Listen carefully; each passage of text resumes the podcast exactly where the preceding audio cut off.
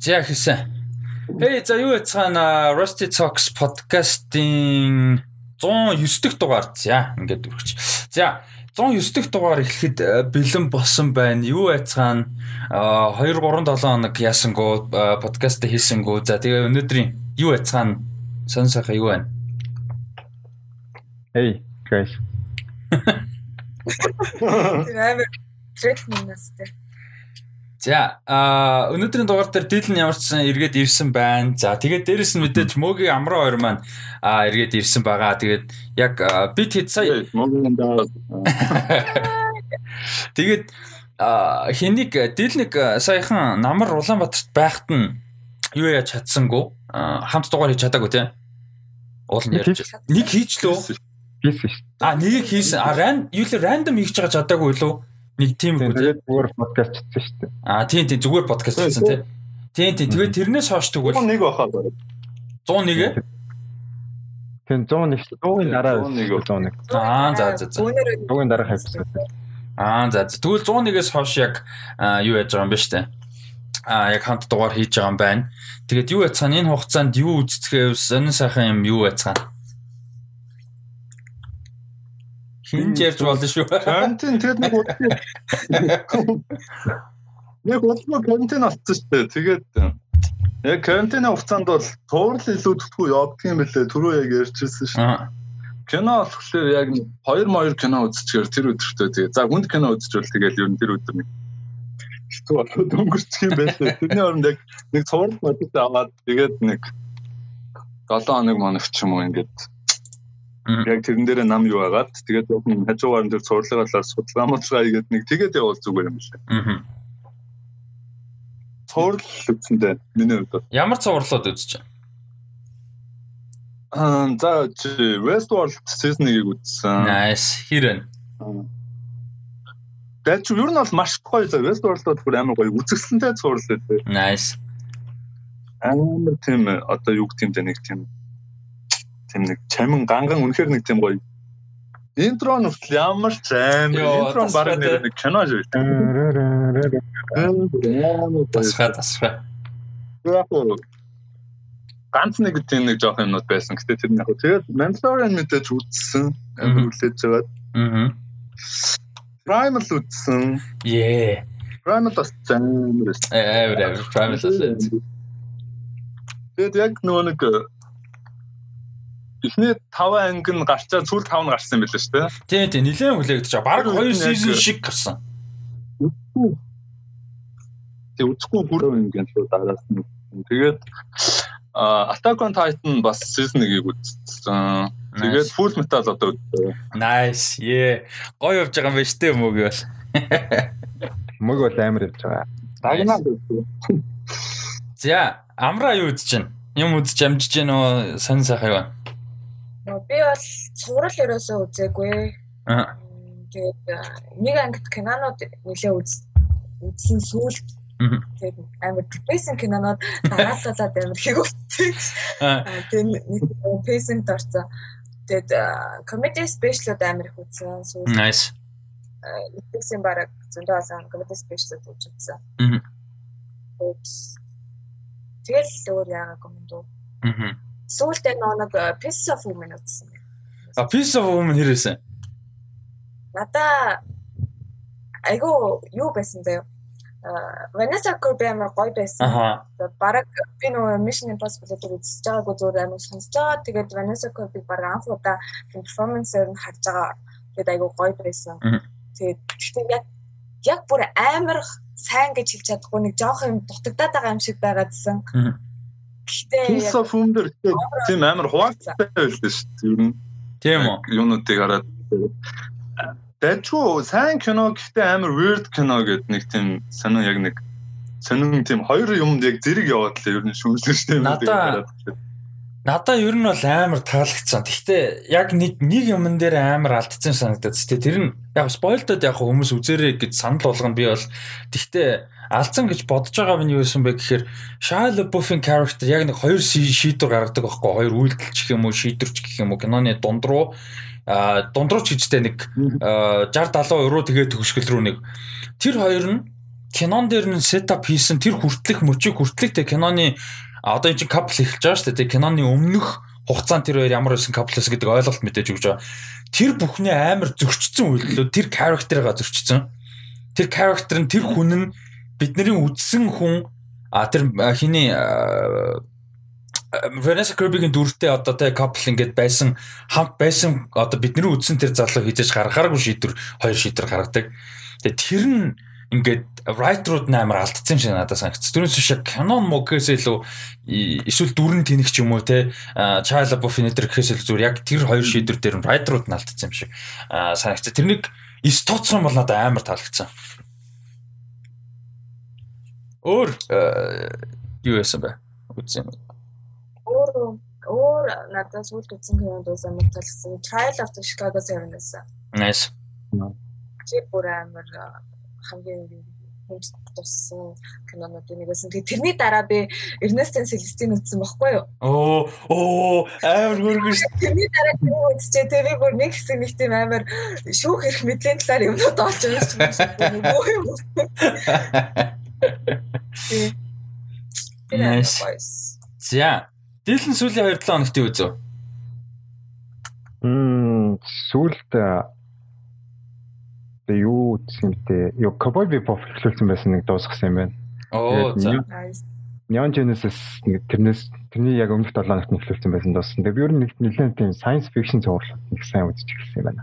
Сүүл нэг үздэг нэг Pacific Rim Netflix дээр байгаа. Тэгээд 10 сар 29-нд үзэж 30 70-ууд нэгсэн байсан байхгүй юу? 30 Тэрнээс да. хойш нэг тийм нэг тийм kaiju жанрын кино үзсэн чинь яг тийм хөрөдлийн science fiction кинонууд үзмэр санагдаад. Мгм. Тэгээд бүр классик классикуудаас нэхлээд нэлээд дуусгасан. Nice, nice. Гоё. Тэгээд айгу- амар depressing юм байна. Юу амар depressing юм бэлээ? Neon Genesis. А тийм. Тэр бүр амар philosophical юм шүү те. Тийм амар алдартай юм билээ ч. Тийм. Амар амар depressing юм байна. Тэгээд ер нь Тийм. кино үзэхгүй байсан ч depressing юм байна. Табагаад Амар depressing нөхцөлд тэгээ depressing үзэхэр бүр ядаргаат. За А өнөөдрийн дугаараар ялч 2-7 хоногийн мэдээлэл э, айгүй их мэдээлэл байсан те. Тэнцэнээс заримыг нь хасаад зарим нь оруулаад зарим нь бол а нэлээд зүгээр дурдсхийгээл өнгөрч бах. А тэгээ мэдээж та хэд чөлөөтэй шүү зүгээр шууд мэдээллүүд э, сэтгэлдлүүдээ гоё яриад явчих хэдүүлээ дөрүүлээ гоё яриад явчих. Тэгээд а сэтгэвдэр өмнө ер нь манай подкастын гол юм чинь тэр шүү дээ нэг заавал мэдээ ярихаас илүү тэр мэдээлэл дээр нь сэдв болгоод яриа өрнүүлэх те. А тэгээд энэ нөгөө нэг подкаст видеотой олчгаар амар сони нэвтрүүлгийн вайбтай болчтой юм байлээ өссөн өсөөгөө. Ингээд дан аудио яриад суухаар микрофоноо мартаал гоё яриа суучж байгаа дээ. Нэг тийм юм тэгэхгүй ингээд видеотой болгоод хөссөн өсөөгөө ингээд нэг юм жоохон нэг тийм формат орчод идэв байлээ. А за тэгээд цөөхөн трейлер байгаа, ихэнхдээ мэдээллүүд байгаа. Гоё мэдээ зөндөө байгаа. Айгүй он- сонирхолтой мэдээлэлд зөндөө байгаа. Тэгээд бас дөрвөн өөр хүн байгаа учраас сонирхолтой онцгой гарч ирэх гэж бодож байна. Тэгээд манай сонсож байгаа үзэж байгаа хүмүүс бас гоё сэтгэлдээ хуваалцаарай. Тэгээд юуны хувьд подкастын хувьд яг дан аудио форматаараа энэ баг 107-оос хойш анх орж байгаа дугаар болох бах. 108 ч нэг асуудалтай байсан. Яг би устгаагүй л байгаа л та залхуураад UB info юу өрөөс юу нэтрээс устгаагүй орчихсон. Гэхдээ ер нь сонсох боломжгүй болсон байгаа шүү дээ. Тэгээд 107-оос хойш анх удаага яг асуудалгүй аудиотой подкаст орох бах. Аа тэгэхээр нэлээд одсон болж байгаа орж таарах бах. Аа за окей аа юуны үед трейлер үед за 1 сарын 27-нд а, юунд а, Netflix-д орсон нэг кино байгаа. Тэгээ би яг хуу сонирхолтой трейлер гой санаг сонирхолтой санагдсан каст бүрэлдэхүүн жүжигчдийн уран бүтээлчдийн бүрэлдэхүүн сонирхолтой санагдсан учраас яг хуу а, оруулаад ярилцъя гэж шийдсэн байгаа. Уул нь бол 7 7 хоног өмнө а бэлдсэн байсан мэдээл. За тэр болохоор Penguin Bloom гэдэг нэртэй юм австрал уран бүтээл байгаа. Netflix дээр 1 сарын 27-нд орсон. Одоо Монголд үзэх боломжтой болсон ба. Ийм драма кино. Одоо гол дүрд нь Naomi Watts тоглосон. За туслах дүрүүдэд нь энэ дандаа австрал жүжигчд, австрал шинжлэх жүжигчд байгаа. Andrew Lincoln гээд Walking Dead-ийн юугаар мэдэн штэ тий. Дилэн мэдж байгаа. Маа төвшөө мэднэ. Аа Төвшөө сайн мэднэ гэсэн. тийм штэ. Аа тэгээд э, Jackie Weaver гайгүй мондөг жүжигчин байдаг. Animal Kingdom гээд crime thriller киногоор та хэд үзэж байгааг л үзээрэй 2010 онд гарсан Оскар нэр дэвшижсэн энэ жүжигчин. Эмэгтэй жүж- жүжигчнэр нэр дэвшижсэн. А тэгээд дээрэс нь юм байгаа юм манай нөгөө нэг Taika Waititi-гийн сайн найз Hunter the Wilder People Thor Ragnarok гэдэг дээр тоглодог. А Lisa Hensley гэдэг жүжигчин. Шинжланд жүжигчин. А энэ жүжигчин а бас а байгаа. Сая сүлд юун дээр суул дээр дуу оруулсан байсан үгүй юу? Би андуураг болол. За ямар ч энэ жүжигчин ингээд аа байгаа ийм касттай кино. Та хэд трейлер ямар санагд? Энэ болохоор яг уу амьдрал дээр босон үйл явдлаас сэтвэлсэн юм драма кино тий. Тэгээ юу Andrew Lincoln-ыг ерөөсөө Eric Grimes Grimes дүрээс хойш ерөөс хараагүй амар удаж байна. Тэгээд энэ яг энэ Netflix-ийн кинон дэр жоохон компак гэж хэлсэн байлаа. Тэгээд жоохон тийм орж мөрж байгаа хэсгүүдийг харахад ялч Eric Grimes-ийн дүрээс санаанд орж ирсэн. Тэгээд нэг бодит түүх юм байлаа шүү дээ. Тийм байлаа яг яг тийм нөхцөл байдалд орж ирсэн. Яг нэг тийм хөвөнийхөө сэтгэл зүй дээр илүү толгуурсан тийм драма кино харагдсан. Аа. Та ярьт ямар санагдав? Аа, намны утсыг би яг хувьдаа яна би тасалцсан уу? Яг та яриа. Би бол нэг яг амар олон киногийн ч юм уу тэр перформанс-ын сайн үзэж байгаагүй юм байлээ. Тэгээд нөгөө нэг э, Twin Peaks дээр гардаг тэгээ Kong дээр гардаг. За Kong-ыг ч яг үгүй байгаа. Twin Peaks дээр бас э, залуу байдаг айгу сонирхолтой харагддаг. Тэгээд өөр ихлээр одоо Mulholland Drive Inventory гэдэг Birdman Inventory эднэрийг үзэж байгааг болохоор зүгээр яг үгүй энийг үзээд яг иймэрхүү одоо нөгөө нэг а яг ур чадварын ур чадвараа гаргасан гэх юм уу иймэрхүү амар emotional иймэрхүү дүрээр нь ямар хүн бэ, ямар жүжиглэлтэй хүн бэ гэдгийг харуул сонирхолтой санагдсан. Аа. Ер нь Naomi Watts нэг тийм сонин сүүлийн 20 жилийн амар underrated жүжигчин шиг санагдаад байдаг шүү дээ. Хүн болгон мэднэ Naomi Watts гэхээр хараад тань сонсоод мэддэг. Тэгснэ яг ингээд киног нь үзсэн гэхээр ялт шүү хоор байдаг мөө гэж юм шүү дээ. Ер нь жигнэсээ King Kong гэдэг ч юм уу нэг ганц хоёр л юм байгаа. Тэгэл ихэнх нь хүмүүс үзээгүй байдаг. Дугаасаа дандаа жижиг жижигвтер кинонууд байдаг. Тэгээд яг Mulholland Drive Map ч юм уу тийм Impossible энэ тийм болохоор жоохон сонирхолтой. Тэгээд э, энэ дээр бол надад айгүй сонирхолтой л санагдаад байгаа. Амраа юу гэж бодож байна? Надад болохоор нөө би сүүл нөө бас beautiful boy үзсэн байхгүй юу? Аа за. Тэрнтэй жоохон төстэй дөө бай, төстэй vibeтай байж магадгүй мүү гэж бодсон. Энэ нөө ямар нэгэн ингээд нөө хүн одоо ингээд э, асуудалтай болохоор ч юм уу эсвэл ямар нэгэн тийм зүйлтэй уулзрахад тэр нэг тийм шүү дээ Тий гэрийнхэн бол нөгөө эргэн тойрных нь хүмүүст яаж нөлөөлдөг вэ? Тэр хүмүүсийн нөгөө өөрсдийнх нь ментал хэлтэд яаж нөлөөлдөг вэ гэсэн талаас илүү харуулсан надад бас. Тий тэгээд тий тэгээд трейлерыг харах юм бол энэ хин Ями Ватсон гэдэг нөхөр хоёр хүүхдтэй амьдардаг. Тэгээд нэг юм осолд ороод хөлний хөлөндөө мэдээ алдаж байгаа юм хтэйгээ тухай тий. Тэгээд зөвхөн тийм биш те тэрнээсээ гадна тэр агүй сонирхолтой юм яг би түүхэн судалж амжааг нь бос байлаа. Гэхдээ нэг юм далавч одоо нис чадгаа болсон шуу байгаа те. Нэг шаацгаа те. Агүй хөөхөн те тэрийг ингээд бүр яг одоо тижээвэр амтнаж гэх юм уу баг те болгож аваад тэгээд ингээд гэр бүл нь мэдээж тэнцэнээс тэр хүнд нөхцөл байдлаа сэтгэл зүйн талаасаа яаж гэр бүл гэдэг талаасаа сэтгэл зүй гэдэг талаасаа яаж сэрэх үү яаж уучруулж өршөөлж амьдрах уу гэдэг харуулж байгаа. Тэгэд мэдээж нөгөө нэг далавчгүй далавчгүй ч байхдаа нис чадгаа болсон тийм шуу мэдээж тэ нөгөө эмгхтэй хоёрын одоо харилцаа одоо clear харилцаа харьцуулалт нь ойлгомжтой шүү дээ. Хойлоо ямар нэг байдлаар өмнөх юм байхгүй болсон гэдэг эрхчлөө байхгүй гэдэг ч юм а тэр нь заавал гэсэн үг биш гээд а тэр нь сонирхолтой. Тэгээ туслах төр жогс би сайн андуурж шүү. Шинзланд нөгөө жүжигчин Rachel House шүү. Айгу гоё жүжигчин. Нөгөө Hunt for the Wilder People тэгээд Boy дээр байгаа сая суул дээр нөгөө нэг TV гэдэг байдсан шүү дээ. Нөгөө мөнгө юм тоолоод байдаг database ухаад байдаг гараад шүү дээ. Тэрэнд доо орсон байхгүй. Аа. Инээдтэй тэр. Тэрний хоолой аяга гоё юм. Тий, тий, тий, тэр байхгүй. Тэр жиргэж байхгүй. Тэний тэр нэг санаанд нөгөө нэг нөхрөө тэр юуроо оруулцдаг юм гоё. Тий. Тий, тэгээд энэ гоё жижиг чинь бас аа дуу оруулсан юм байна. Тэгээд манайд бас санал санал гинэ аа үзээрэй гэж зөвлөмөр Торонто олон улсын кино фестивал дээр нээлттэй хийх хэвдэл хийцэн тэгээ Netflix дээр орсон. Бас ийм дажгүй каст сайн драма үзэх бас гоё штэ нэг тийм жил болгон юу гэдэг нэг Oscar season ч юм уу юм болонгууд мэдээж тодорхой хэмжээний хідэн драма кинонууд яригддаг. Тэ одоо Nomadland, Minari бол одоо битүү яригдаж штэ. Гэхдээ бас ингээ яригдахгүй өнгөрчдөг. За мэдээж зарим нэг хим киноных нь хэмжээд хүрхгүй ч гэсэн ингээд үзэхэд гоё те ингээд гоё сэдв хүндсэн, гоё буран бүтээлч тоглолцсон хийсэн ийм драманууд бас зөндөө харж яадаг. Тэгээд тэдний нэг байх гэж найдаж үнэлгээ бол дайггүй байлээ. Нэг тийм амар нэг амар шүтэж бариад байгаа юм бол байхгүй. Гэхдээ яг нэг тийм хөөрхөн гоё драма байна гэсэн юм ихтэй өнцгтэй байлаа. За дараагийнх нь болохоор а 2 сарын 12-нд театруудад нээлттэй хийх гэж байгаа.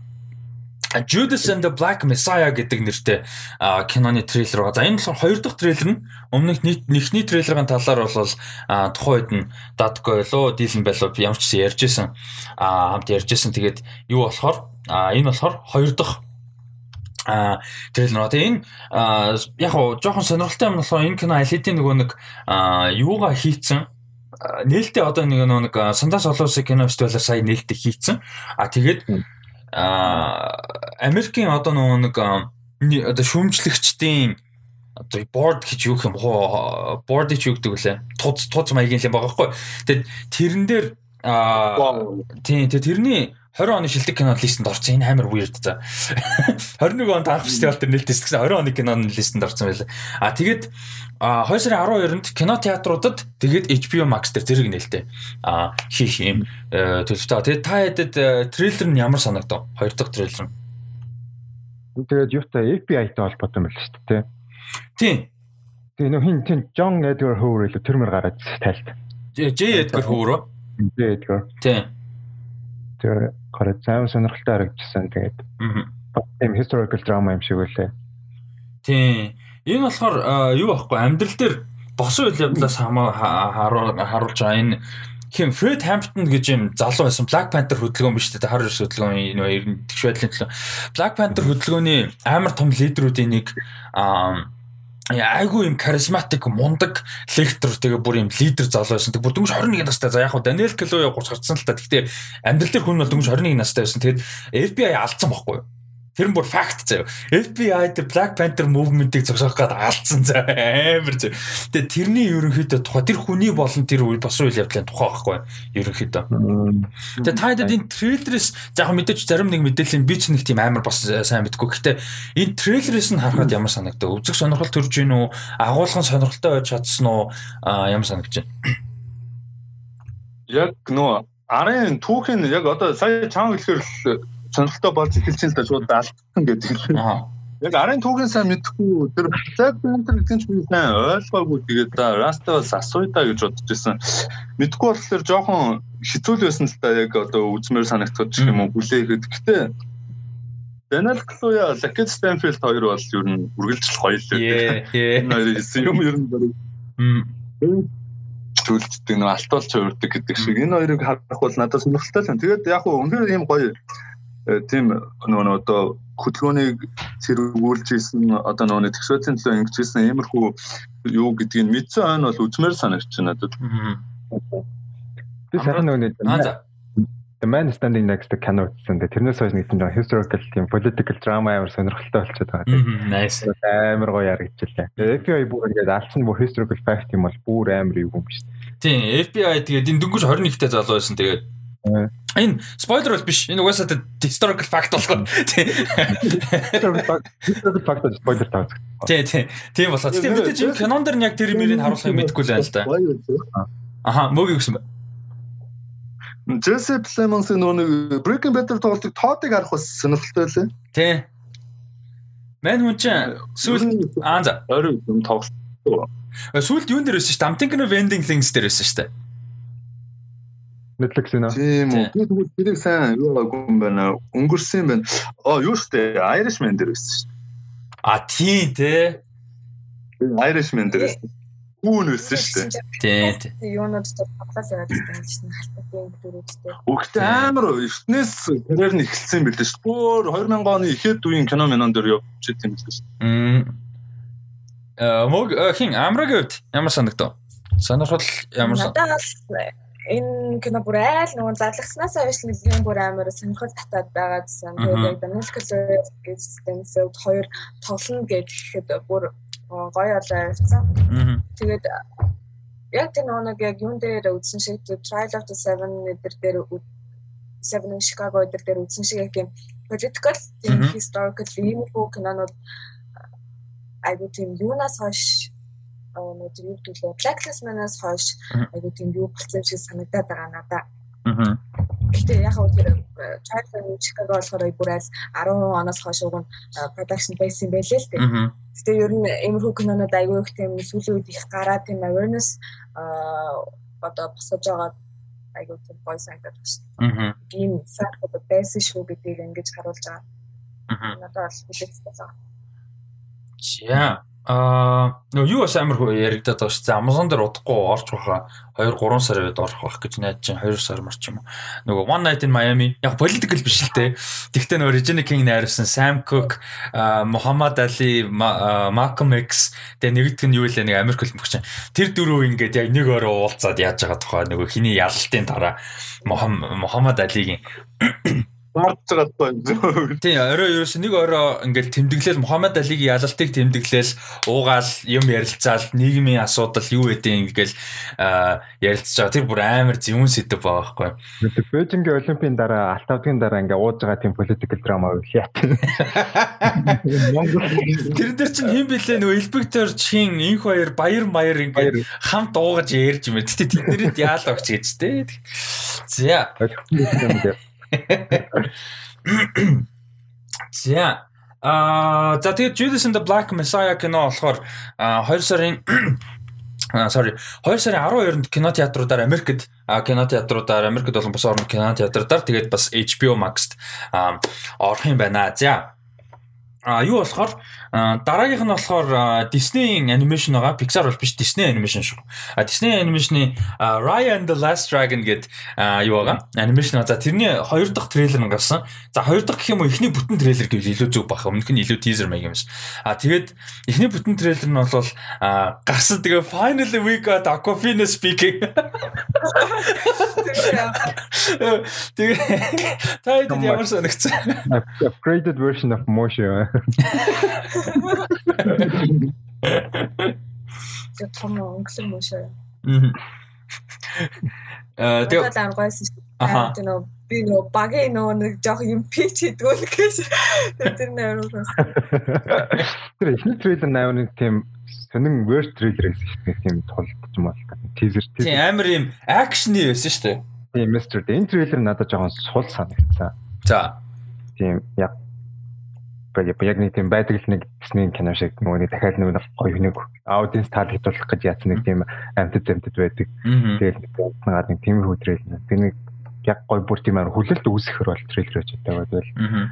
Араа л өнгөрдөг нэг тийм Disney кино шиг юм байна л гэж. Аа. Мөгөд ямар санагцсан? Одоо ерөнхий дайчгүй шүү. Гэтэ би энийг нөгөө нэг өмнөх тизерын ч үзээгүйс яг хэдүүлээ өмнө нэг ярьжсэн шүү дээ нөгөө яг дөнгөж 5 завлагтад. Аа Тэгэхэд э, ураглал нь арай өөр байх болов уу гэж бодож ирсэн юм байна. Тэрнээс хойш юм бодохгүй. Э ураглал нь өөр байх болов гэж бодож ирсэн. Тэгэхгүй ингээ үзэхгүй байж байгаад яг ингээ трейлерыг үзсэн чинь яг цансны удаад арай жоохон нэг тийм видео тоглоом шиг гэх юм одоо юу гэж хэлэх юм бэ? Арай жоохон өөр байсан. Гэтэ яг хөгжилтээс гой санагдсан юм нөгөө нэг тэр тийм хөгжилтэй гой нөхөр байгаа штэ. Тэгээд ер нь нэг тийм хэрвээ яг Шрек дээр гардаг Шрекийн илжиг шиг тийм гоё хөгжилтэй байж чадвал энэ матч сонирхолтой болох байх. Би бол энэ Aquafina we trust. Тэгээд бас тэр гол дөрөв нь өөрөө тийм гоё амар тийм сүртэй хийдсэн тийм хойноос филм мэлэнтэй тэгээд Asian culture гардаг тэгээд ер нь тийм амар гоё акшн тэгээд бас mystery байгаасаа гэж бодож байна. Тийм тэгээ fantasy mystery-тэй юм шиг байна тийм. Тэгээд Castus айгу гоё хин Riot нь Kelly Mary Tran байгаа. Тэгэнгүүтээ нөгөө Star Wars-д тоглодог. Тэгээ Aquafina Lund нь тэгээ тэр гол эсрэг дүр юм шиг нэг эмхтэй байгаа. Эсрэг одоо овгийнх нь үндэстэн гэх юм уу. Тэрэнд нь болохоор Gemma Chan дууруулсан юм байлээ. Тэгээ бас бас айгу гоё. Тэгээ Benedict Wong байгаа. Яг туслах дөрөвдөд нь дууруулж байгаа. Тэгээ Cast л айгу гоё юм байлээ. Тэгээ а Gemma Chan тэр дууруулсан одоо дөрөв байгаа шүү дээ. Тэр надад шууд нөгөө нэг Loudent Loudent Drops нөгөө Sony Stage дээр гардаг бүхэнтэй амар адилхан. Тий төстэй өстэй. Санаг тэг санаг. Тэгсэн тэгсэн. Тий амар төстэй байсан. Sony Stage ихний ангийн л. Тий хамгийн ихнийх. Тий. Анги. Гэхдээ 2 сарын гарахаар болсон тий. Тий, season 2 гэхдээ тэр би амар сан тэрний постыг харсхаа харсан артист ажиллаж байгаа артист нэг зураг оруулсан. Гэхдээ тэр зураг нь өмнөх нь постэр юм шиг харагдаад байгаа. Тэг 3 сарын 15-нд гэсэн. Тэгээд би ерөөсөө official мэдээлэл хаач олж хараагүй шүү дээ. Би бүр ингэ зөндөө хайж үзсэн. Release date нь season 2 байна уу байхгүй лээ. Тэгээд тэр season 1-ийнх нь постэр байлаа. Тэгэхээр зүгээр тэр нэг артист бол яг зүгээр season 2 дээр нь ажиллаж байгаа л гэсэн мэдээлэл юм шиг байна. Тийм би ч одоо тэрийг хараад хоёр галтаа мартаа сүгүр мөхөр баа. Нэр нь бол production байгаа нь бол. За нэг нь яриарай. За сая ямар юу гэсэн бэ? Би ингэж юм болсон юм. За Тэр нөө групптэр тэр чинь бас нэг гайгүй яг итгэж болохоор хүн яг тэр пострыг пострыг хийцээс байхгүй юу. Тэгэхээр би чинь шууд хөөрөө стори стори хийгээ тэгвэр чи ингээ зүгээр гарлаа марлаа тавсан өстой. Энийг хүмүүс тэгээд Хоёрдугаар нь гарахаас өмнө та нар үз мүзгээ баахан томорцсон шүү дээ одоо яана. Тэр чинь зүгээр шеэрлсэн л юу байсан л та. Хүний постыг шеэрлсэн л байсан л та. Би тэгээд ямар ч үсэн хайж үтсэн юуг official мэдээлэл угаасаа байхгүйгаа тэгээд юу юм бэлээ тэр постэр бол юу вэ? Season 1-ийн постэр. Season 1 чи өөр 3 сарын 15-нд орсон байхгүй 19 оны Netflix-т. Тэгээд тэр бол зүгээр нэг яа рандом хашаа юм дээ зүгээр Death Robots дээр ажиллаж байгаа л нэг компьютер анимашн дээр судаг л хүн юм шиг байна. Тэгээ яг хөө мань хүн ажиллаж байгаа гэдгээ л хэлсэн дээ. Тэгсэн чи тэр нь ингээд бүүм болцсон. Тэгээд яг харах юм бол official мэдээлэл юу ч байхгүй. Яг хөө гэхдээ энэ жил гарч магадгүй л дээ. Тэгвэл тэр бол ямар ч байсан official бол биш 3 сарын 15-нд гэж байгаа зарлж байгаа. Энэ яг юм Netflix-ийн лого тавиад тэгээд бодлоо үн дээр тавьчихаар амар явд юм биш social хүмүүс. Тэгээд амар их үт юм биш.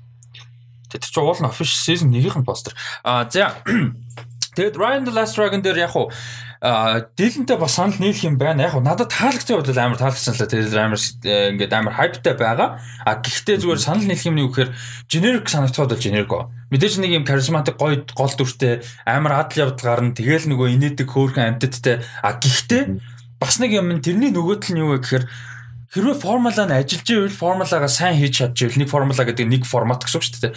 Нэг форматныхаа ямиг сайн хийгээд давтаж байгаа ч гэсэн тэр нь үр дүнтэй байгаад энтертейнинг байгаа сайн байж чадчихвал яагаад болохгүй гэж аахгүй. Моана жишээ нь яг адилхан шүү дээ. Яг л адилхан. Тэгтээ тэр хөөрхөн инээдтэй те Princess of the Frog гэдэг юм уу? Одоо мэдгүй Raft Bricks интернет ч юм уу, Wreck-It Raft те ингээ бүгд ямар нэг байдлаар sidekick-тэй нэг юм adventure.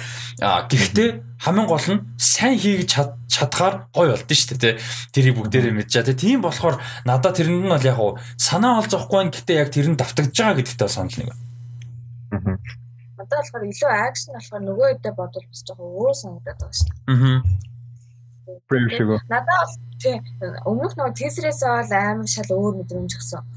Өмнөх тизер надад бүр э, нэг тийм нэлээд жоохон э, яг Mona гэсэн мэдрэмжтэй байгаад заахгүй. Тэгээд сүүлийн яг болохоор яг тэр tribe эдэргээ тэр дундаа ингээд dispute-тэй тэгээд ингээд э, тэр өөр эсрэг дүр гаргаж чимж мэрж байгаа надад илүү таалагдсан. Өмнөх тэр нэг юм багтай нөхөр байгаадсан юм. Тий.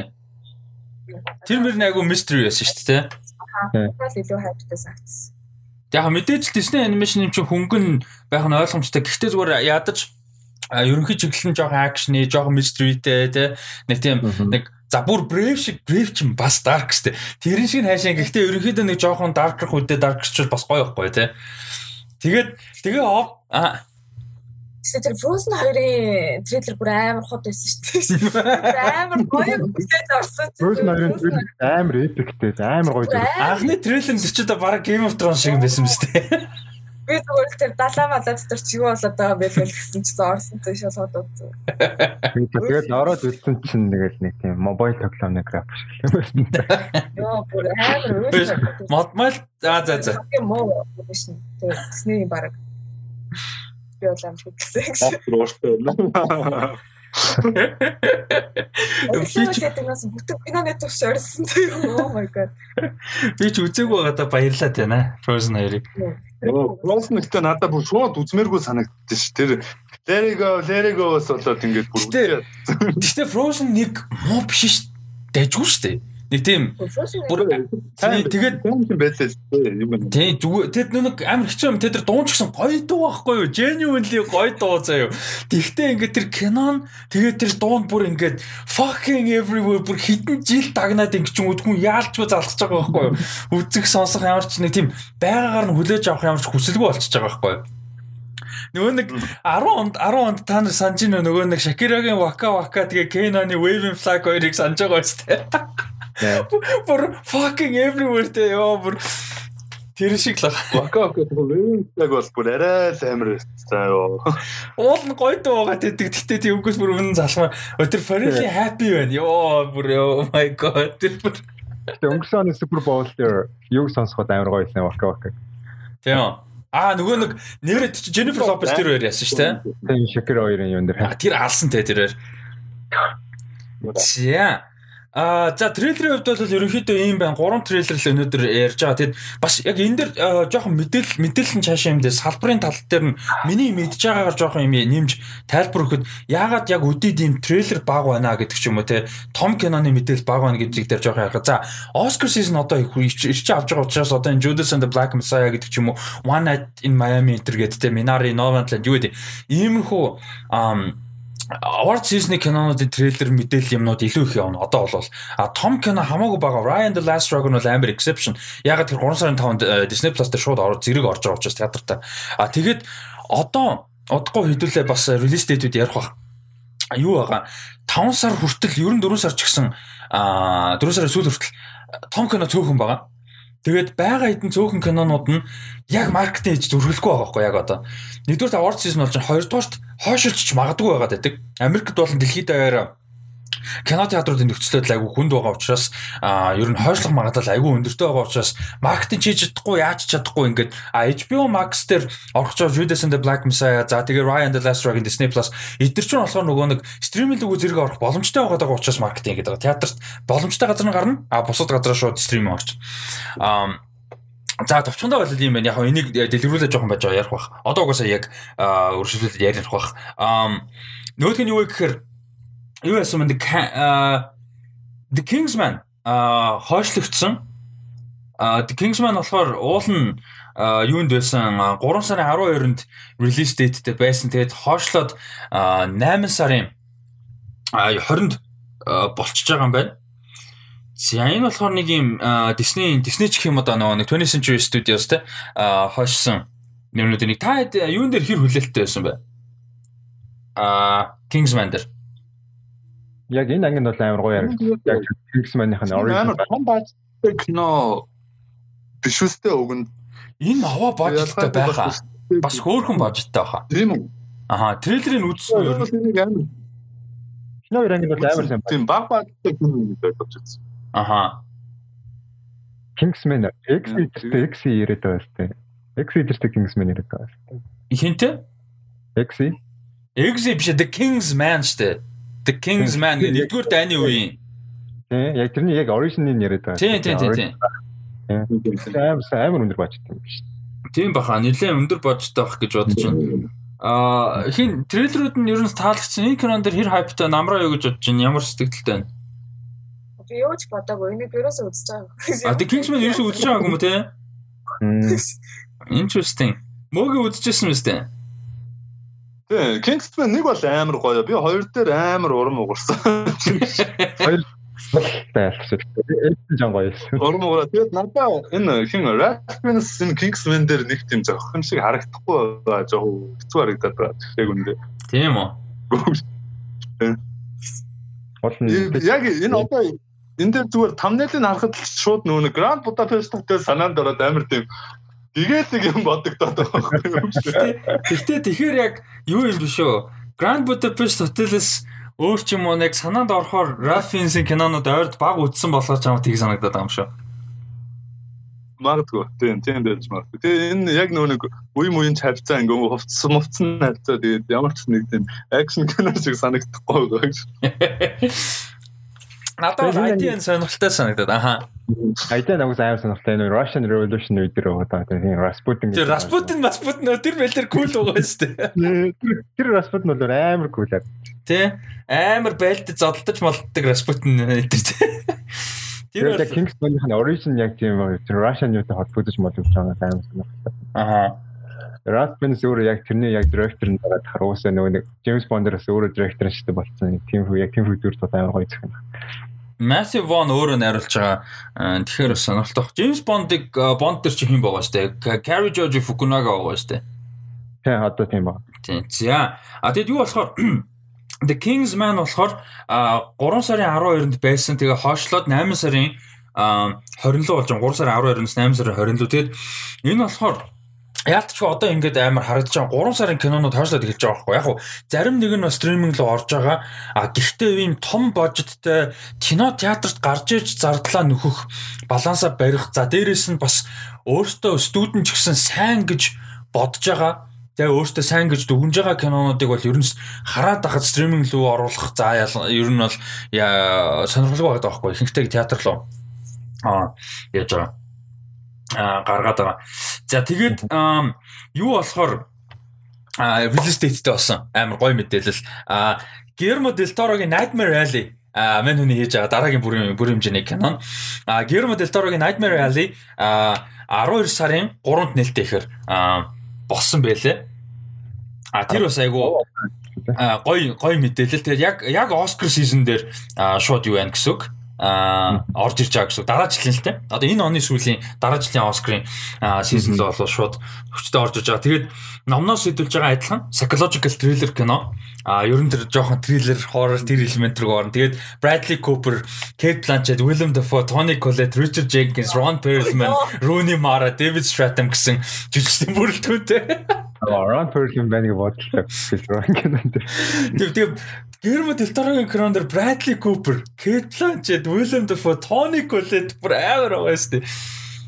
Э энэ бүрэлдэхүүн бол зүгээр зүгээр алхаар шийдсэн. Аа чаа Оскар оноо. Шоо шийдэгдчихдэг те. Стилчээ. За энэ бол бүр амар юм байлаа. За тэгээд Мм за тэнцэн шүлээстэй. За тэгээд юун дээр болохоор одоогийн байдлаар ойрхон байгаа томоохон кинонд ийм юм кинонд байна л та. Judas and the Black Messiah За тэгээ Ryan the Last Dragon тэгэнгүүтээ Ryan the Last Dragon-тэй нэг өдөр Chaos Walking байгаа одоохондоо хөөхийг тэр Chaos Walking одоо бүр тэгээд 17 оноос хойш тэгээд хиний Bob Odenkirk-ийн тоглосон action кино Nobody гэ та трейлерыг үзсэн үү? Сая халтаарсан. Тэр John Wick-ийн хит хийсэн байхгүй юу? Bob Odenkirk гэдэг нөгөө нэг Saul Goodman тоглолт нь штэ. Breaking Bad консол дээр. Тэр сайгүй хөөрхөн. Өнгөрсөн подкастаар ярьсан баха. А трейлерыг үзсэн санагдаад байна. Тий, трейлерыг үзсэн ямар ч сан нэг подкастер ярьсан та хэд орсон дээр ярьлуу яалаа марчиж. Би бас сонссноо андуураад байна уу чи. Мэдгүй байна. За иймэрхүү байна. Тэгээд 3 а тийм 3 сард Chaos Walking Ryan the Last Dragon гэсэн хоёр киноны релизтэд бол одоохондоо а байгаа. За а дараагийн мэдээлэл нь болохоор ерөөд ойрхон ойрхон агуулгатай мэдээлэлтэй тэр нь Quitless 2 а хойшлогдсон байна. Тэгээ Quitless 2 болохоор 4 сарын юунд а 23-нд нээлттэй их төлөвлөгөөтэй байсан. Тэгээд хойшлоод 8 сарын биш 9 сарын 17 руу хойшилж байгаа юм байна. Тэгээд а Quitless 2 дээр та хэр хүлээлттэй байсан? Part 2 гэдэг байна шүү дээ. Амар хүлээлттэйс шүү дээ. Одоо баг мартах шат руугаа явуулчлаа шүү. Тэгээ оны өмнө кино байдаг шүү. А? Тэр үед яг юу үзчихсэн? Өө нөө хинэ цуурлыг үзчихсэн. Аа. Оо шууд нэр нь дарж орж ирж байсан. Rhino. Jack Rhino. Үгүй. Peaky Blinders. Аа за. Тийм тэгээд бүрэн хэмжээний кино тэгээд яг ийм том кинон дээр гоё орж ирээд тэгээд ер нь гоё кино руу бас гоё орж ирэх юм байна да гэсэн амар бодолтой. Тэгээд угаасаа нэгэн ч гэсэн амар сайн кино байсан. Аа болохоор яг хүлээжсэн. Тэгээ эн чинь одоо баг 2 дахь жил рүүгээ орох чинь үү? Тэгээ одоо баг орлоо шүү дээ. Энэ амар удацлаа шүү дээ. Өнгөрсөн оны 4 сард л орох өөртөөс мөлөө. Тийм тийм бүр яг анх бол 20 оны 4 сард байсан шүү дээ. Одоо жил гарan хойшлчлаа шүү дээ. The Coldplay-с үзэх experience амар гоё юм аа. Ерөөсөө тийм кино театраас авч байгаа experience нь тийм чимээгүй хүмүүс ч гэсэн ерөөсөө кинонд орцсон тийм амар чимээгүй. Ерөөсөө монголчуудыг кино үзэж сургуулах юм бол зөвхөн Coldplay-сээр явуулах юм байна. Энэ зөвхөн баг. Тэгээд юу сая Sound of Metal гэх кино тэгээд энэ Coldplay Center-ийг яг нэг тийм гоё тухтай яг тэгэж гоё үзэхгүй бол манай дэдлийн яшиг ийм ийм нөхцөлд бол Coldplay үзэл амар хямрах. Танаа дэдлийн яг Coldplay рүү орлоо. Сая азар тэгээд Sound of Metal тоглолт үзэж хахад яг кино үзэх хугацаанд төлтөр ерөөсө тоглоог нэг 50 амар үзүүлсэн шүү дээ. Хаалган зөхөө бод. Энэ сарын 17 гэхэд кино театрууд нэрчүүл гоё л юм те. TV танд орсон байв. Тэгээ манад ер нь тэгээд юу яах гээд байгаа юм шүү те. Аа ерөнхийлөгчийн сонгуульд дуусаад тэгээд ер нь жоохон гайг болох гээд нөгөө. Монголд болсон тэгээд сонгуульд дуусаа бүх юм нэг. Oh shit. Wait. Oh, вэж гараа. Fuck fuck. Аа Окей. За, амраа юу гэжсэн бэ сая түрүү? Би юу гэж би нэг өдөртэй мэрэг.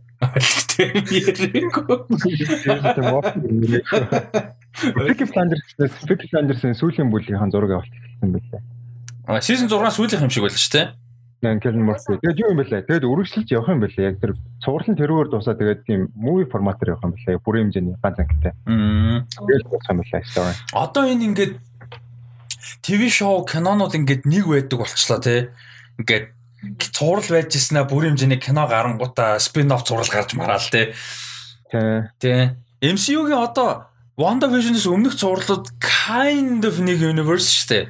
Яг нэг тийм шууд хэд хэцүү нэг тийм kind of нэг гэсэн маягийн гэхдээ яг үнэндээ бол баг бүгдээрээ тусдаа шүү дээ, тийм. Тэгэхэд ч одоо яг WandaVision бүр яг ингээ нэг болж орж ирээд тэгэнгүүт одоо юу гэдэг Walking Dead чи хитэн кино яа яа нэг лээ Walking Dead яа нэг лээ. Walking Dead одоо. Одоо яг Fear the Walking Dead гэдэг спин спин оп байгаа заяа. Тэр чинь бүр 6 сизон явсан юм шүү дээ одоо. Тий. Тэгээд юу байгаа? World Beyond гэдэг бас нэг шинэ цуврал нэрлэлсэн. Тэр нь болохоор яг ингээд reactor юу Warriors нь яг дөнгөж тарж байгаа үеийнхаа нүүл явдлыг харуулж байгаа юм. Тэр нь тэр тэр цуврал дээр гарч байгаа дөрүүд нь болохоор яг одоо Rick Grimes-ийн гарах кинон дээрх одоо үйл явдалтай холбоотой. Йоо. Walking Dead цоор энэ франчайз нь зөвөр тэр чигээр Walking Dead нас ёо. Онж өгдгөө болж өгдгөө Walking Dead shit нас ёо. Яваал гэдэг нас. Walking Dead яг тэр Walking Dead 6 season явна ч юу гэсэн үг юм бэ? Тэр Fear the Walking Dead нь 6 season явж байгаа за. Йоо арай л хямармаар наан наан Express арай гэж 5 season хүрчээдэг нас дундаа цуцлуулж моцлуулаад бөө юм бол фаналтай маш нэр. За а юуны хувьд бол ийм байна. Quiet Place part 2-ын хувьд бол 9 сарын 17-нд ойрсон. Тэр үед бас манад театрууд нээчихээсэ гэж найдаж байна. За дараагийн мэдээлэл болохоор Zack Snyder Zack Snyder-ийн Justice League release date-тэй болсон. А дээрэс нь release date-тэй болсноос гадна нэмж мэдээлэл өгсөн цуврал болохгүй mini series биш ээ гэдгийг confirm хийсэн. Тим яриа ер нь яваадсэн шүү дээ, тий. Ингээд 6 ангитай цуврал муурал инээ тэрийг. За тэгсэн чинь тэр бол худлаа. Энэ бол ингээд 4 цагийн нэг кино олноо гэдэг мэдээлэл өгсөн. Тэгээ Joker гарна гэдэг байгаа. Martian Manhunter гарна гэдэг байгаа. I don't know how what. Тэгээд тэр нөгөө Dark Side нь гарна гэдэг. Энэ дээр та ямар сэтгэлтэй 3 сарын 18 одоо удахгүй юм шүү. Тэдүүлэр юу юм хийх байлгүй дээ. Моги яриараа дуртай байгаа. Би бол дуртай л байгаа шүү дээ. Zack Snyder-ийн юм акшн яг өнгө одоо тэр тоон моноос агуулад амар гоё гоё гэдэг шүү. Яг яг тэр амар олон дөрүүд нэмэгдээд байгаа дээр жоохон юу байгаад байгаа юм л да. Гэтэ энэ хугацаа нь рандом нь ийм урт болчихж байгаа юм чинь тэгээд боломжтой л байгаа юм байлгүй дээ. Ямар юм бэ? Нөхцөл санагдсан. Тэр нэмэлтээр бас нэг ганц нэг зураг авсан тий. Гэхдээ ганц байтугай авсан байлээ тэр чинь баахан зураг авсан шүү дээ. Чинь шал өөр дэсүр кино болчихж байгаа шүү. Чинь баг 10 сая доллараар нэмж байгаа шүү дээ тий. 50 сая долларын божид өгсөн шүү дээ. 50 сая. Тийм тийм дундаж кино их байна шүү. Тэгээд Zack Snyder өөрөө жоохон Josh Whedon-ыг жоохон тийм байш хийсэн Twitter Twitter хичээл гэсэн. Тий. Одоо яг миний хийж байгаа бол яг ингээ яг тийм чинхний ирэх ирчүүдэд ерөөсөө хэлбэр байсан юм. Тэгтээ тэгээд Zack Snyder-ийн энэ жоохон амар ядаргаатай байгаа. Ер нь бол яг үнэндээ жоохон жоохон ядаргаатай. Zack Snyder-ийн мундаг visual storyteller. Гэхдээ яг ингээд Justice League-ийг ингээд өөрөөр болгоо сайн кино болгоно гэсэн ойлголттойгаа хүмүүс ерөөс ойлгохгүй. Сайн кино болно гэж бол би үнэхээр бодохгүй байна. Зүгээр л just look different боломжгүй л дээ. Тийм байхгүй. Зүгээр л өөр харагдсан. Би ан зүгээр л бодохгүй. Justice League-ийг одоо нэг 12 жил нэг ингээд орхисон дээр баха. Ер нь. United нэг боддгоо нэг 12 жил нэг те нэг нэг 60 орхисон дээр баха. Нэг 60. Тэвлэн дээр тэр чи 60 болчлоо. Эм тэрний дараа нэг нэгээр нь хөгжүүлж явж байгаа. Тэгээд өөр юм болоод болно. Аа юу болохоор За тэгээд энэ дээр нэмээд юу яа Warner Bros-ийн release date-үүдийг товчхон товчхон тэгээд та бас хэр хүлээлттэй байна бас мэдээлэл болно гэж бодож байна. За а 2 сарын 10-нд сая ярьжсэн Judas and the Black Messiah. Тэгээд 2 сарын 26-нд Datkog-ийн төсөөдрөөр юм байна. А Tom and Jerry Гахаа тэр харснаа трейлер харснаа Chloe Grace Moretz энтертэй. Энэ дан хөөх хэрэг. Надад амар сонь санагцсан. Надад амар сонь санагцсан. Бүр айгуу сонь. Модерн зургийг Том Жерэд зөхгүй эсвэл бид нар дасахгүй юм билээ. Тэг лайв акшн бүр тэнийг юм билээ. Classic Tom Jerry-гийн юуг ингээд давж гарна гэдэг бол амар хэцүү л. Тэгэхээр яг ингээд зүгээр боломжтой төлбөрт ийм хүл юм байна. Тэгсэн тэр Jerry нэрэ Том нь ярихгүй лөө яагаад лээ? Тэглөө. Тэгсэн яриадсан дээ. Би яриадсан юм аа. Надад бүр амар сонь. Яа, надад ярьж хэлсэн ч юм сонь сонь. Нарийнч байгаа юм уу гэсэн. Надад нэг нь яриадсан билүү гэж санагдаад их юм. Харин би амраа хэлсэн гэж саналаа. Харин тий. Одоо би ер нь бол. Live action байтугай анимашнаар хүртэл тэгэж тийм хүн мөн ингээ ороод ингэхээр нэг тийм сонир болчтой байхгүй. Тэгээд хүн гарсан ч нэг тийм хөл мөлөл гаруулгаа байдаг тийм. Гэтэ чи гоё хгүй. Бас яг зүгээр дан энэ талаас хөл мөлн дан гардаг чинь бас нөгөө амт бид нар дандаа амьдтын өнцгөөс ингээд нөгөө бүх сториг нь хараад байгаа болохоор хүн харагдахгүй байхгүй. Тэр дээшээ харах шаардлага байхгүй. Амьдт нь харагдж байгаа л ерөөсөө тэр тэгэл яг тэр тэрнээс амар гоё байхгүй. Яг гоо мэдээж дээрүүд анимашн хийхэд хямдхан л амар цаг юм дэглээсэн баг л та хүн зурх шаардлагагүй. Гэтэ дээрэс нь гоё юм тэр байхгүй одоо бодоод үзэхээр яг тийм make sense юм байна. Тийм яг олон талаасаа тийм. Аа тэгээд яг нэг хүмүүс Warner Bros-ийн юг ярьж байгаа дэр одоо одоо ярьж байгаа кинонууд бүгдээрээ а кино театрт болон HBO Max-т зэрэг орох кино шүү. Basically хэдүүлээ Монголд кино театрт нэгдвэл театрт үзэн театр байхгүй байгаа бол төрөндлөн гэсэн үг зэ. А за тэр Tom Jerry 2 сарын 26. За тэгээ 3 сарын 31-нд Godzilla vs Kong а 4 сарын 16-нд Mortal Kombat. За та хоёр та хэд юу гэж бодсон? Ямар? Тэр зураг ургийг харсан уу? Юу н заргуу байлаа шүү. Хэцүүллээ шүү. Тэр комплауг яаж байгаа юм бэ? Тэр бүр арай тэр тэр өдөө Ядаж аа хүн байж болоог юм уу? Тэр Jax Avro гоостэй тэр гар марн бүр улаанд бүр арай санаа зовмоор шийж яваа гоостэй. Тэр Люкаги тэр нэг гал шиг юм момент бүр мангар аргу. Биш тэр Жаксын гарын тэр нэг CGI ч юм уу юу ч нэг гачи юм байгаа шүү гэж бодоод байгаа шүү. Тэр practical яаж байх юм гарын дээр юм нэмж өмсөж байгаа юм бах та. Practical дараа CGI байсан бол амар аа. Ганц гоё юм байсан. Тэр нь Joy Tesla л байсан. Бусд нь бол а Hiroki Sanada гоё харагдчихлээ. Бас уул нь болол. Яг ч Hiroki Sanada бүх юмд гоё л доо. За тэгээд дараа нь болохоор амар James Bond нэртэй а The Conjuring the Devil Made Me Do It 6 сарын 4-нд байгаа. А тэгээд бүр өнгөрсөн жил хэдүүлээ трейлерын уул нь амар хайптай өнгөрсөн жил гэж баг уржна ярьж исэн. А In the Heights-ийн Heights болохоор мюзикл 6 сарын 18-нд байна. Аа тэгээд Space Jam. LeBron James-ийн Space Jam. New Legacy гэдэг нэртэй Space Jam. 7 сарын 16-нд байгаа юм байна. LeBron James тоглож байгаа. А энэ ч бас production бөөн асуудал болсон шүү дээ. Нөгөө нэг баахан бусад NBA одуудыгаа тоглох гэсэн чинь LeBron James чинь Nike-ийн спонсортой. Тэгээ нөгөө хэд нь болохоор Puma, Adidas янз бүрийн янз бүрийн юм гээд тэгээд Under Armour энэ гэдэг нөгөө нэг хоорондоо авцалдахгүй брэнд нь зөрөлдсөн гэдэг нөгөө ивент итгэгчтэн зөвшөөрөхгүй тэгээ орж марахгүй бөө юмс. А тийм. Тийм, тэгээ тэрнээс нөгөө тэгээ дээрэс нөгөө нэг NBA ч юу юм бэлээ шүү дээ амар одоо өрсөлдөөнтэй гэдэг нь зүгээр спорт талаас гадна брэнд имиж талаас халалцсан юм байл шүү дээ.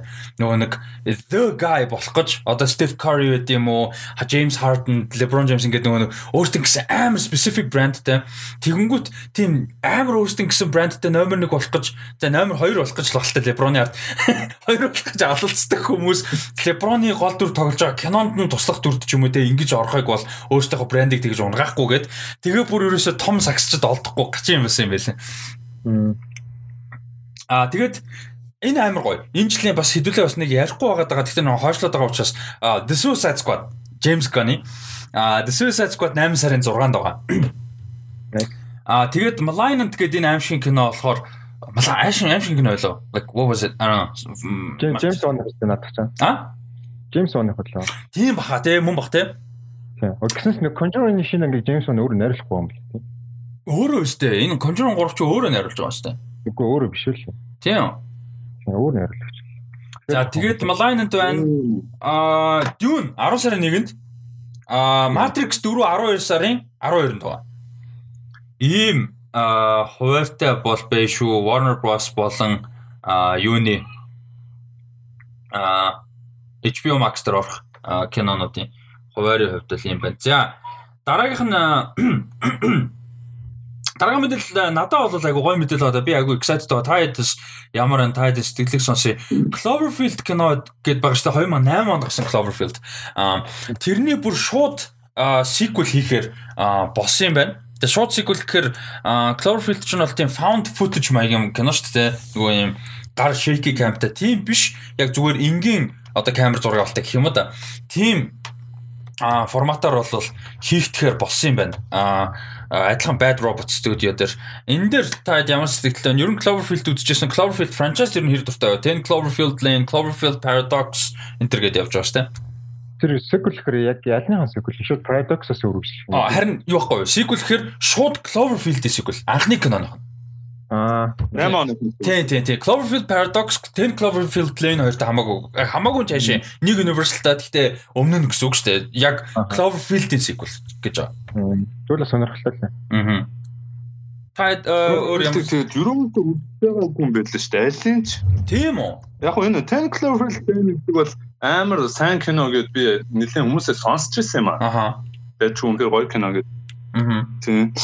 Тэгээд юуроос үзэж байгааг юм л үзье гэж бодоод яваад байсан. Энэ Mary Elizabeth Winstead тоглосон. Яг энэ нь бол амар хүмүүс юу гэж хэлсэн маа санал болгож хэлсэн гоё кино шүү. Аха. Үзэл бол яг сайн хэлж мэдэхгүй л. Яг нөгөө нэг юун дээр кинотокийн кайжуу дээр таад ярьсан л та чиг шиг. Ерөнхийдөө. Аа. Амра. Энэ ойлголттой байна. Би бас ерөөсөө үзэж байгаагүй.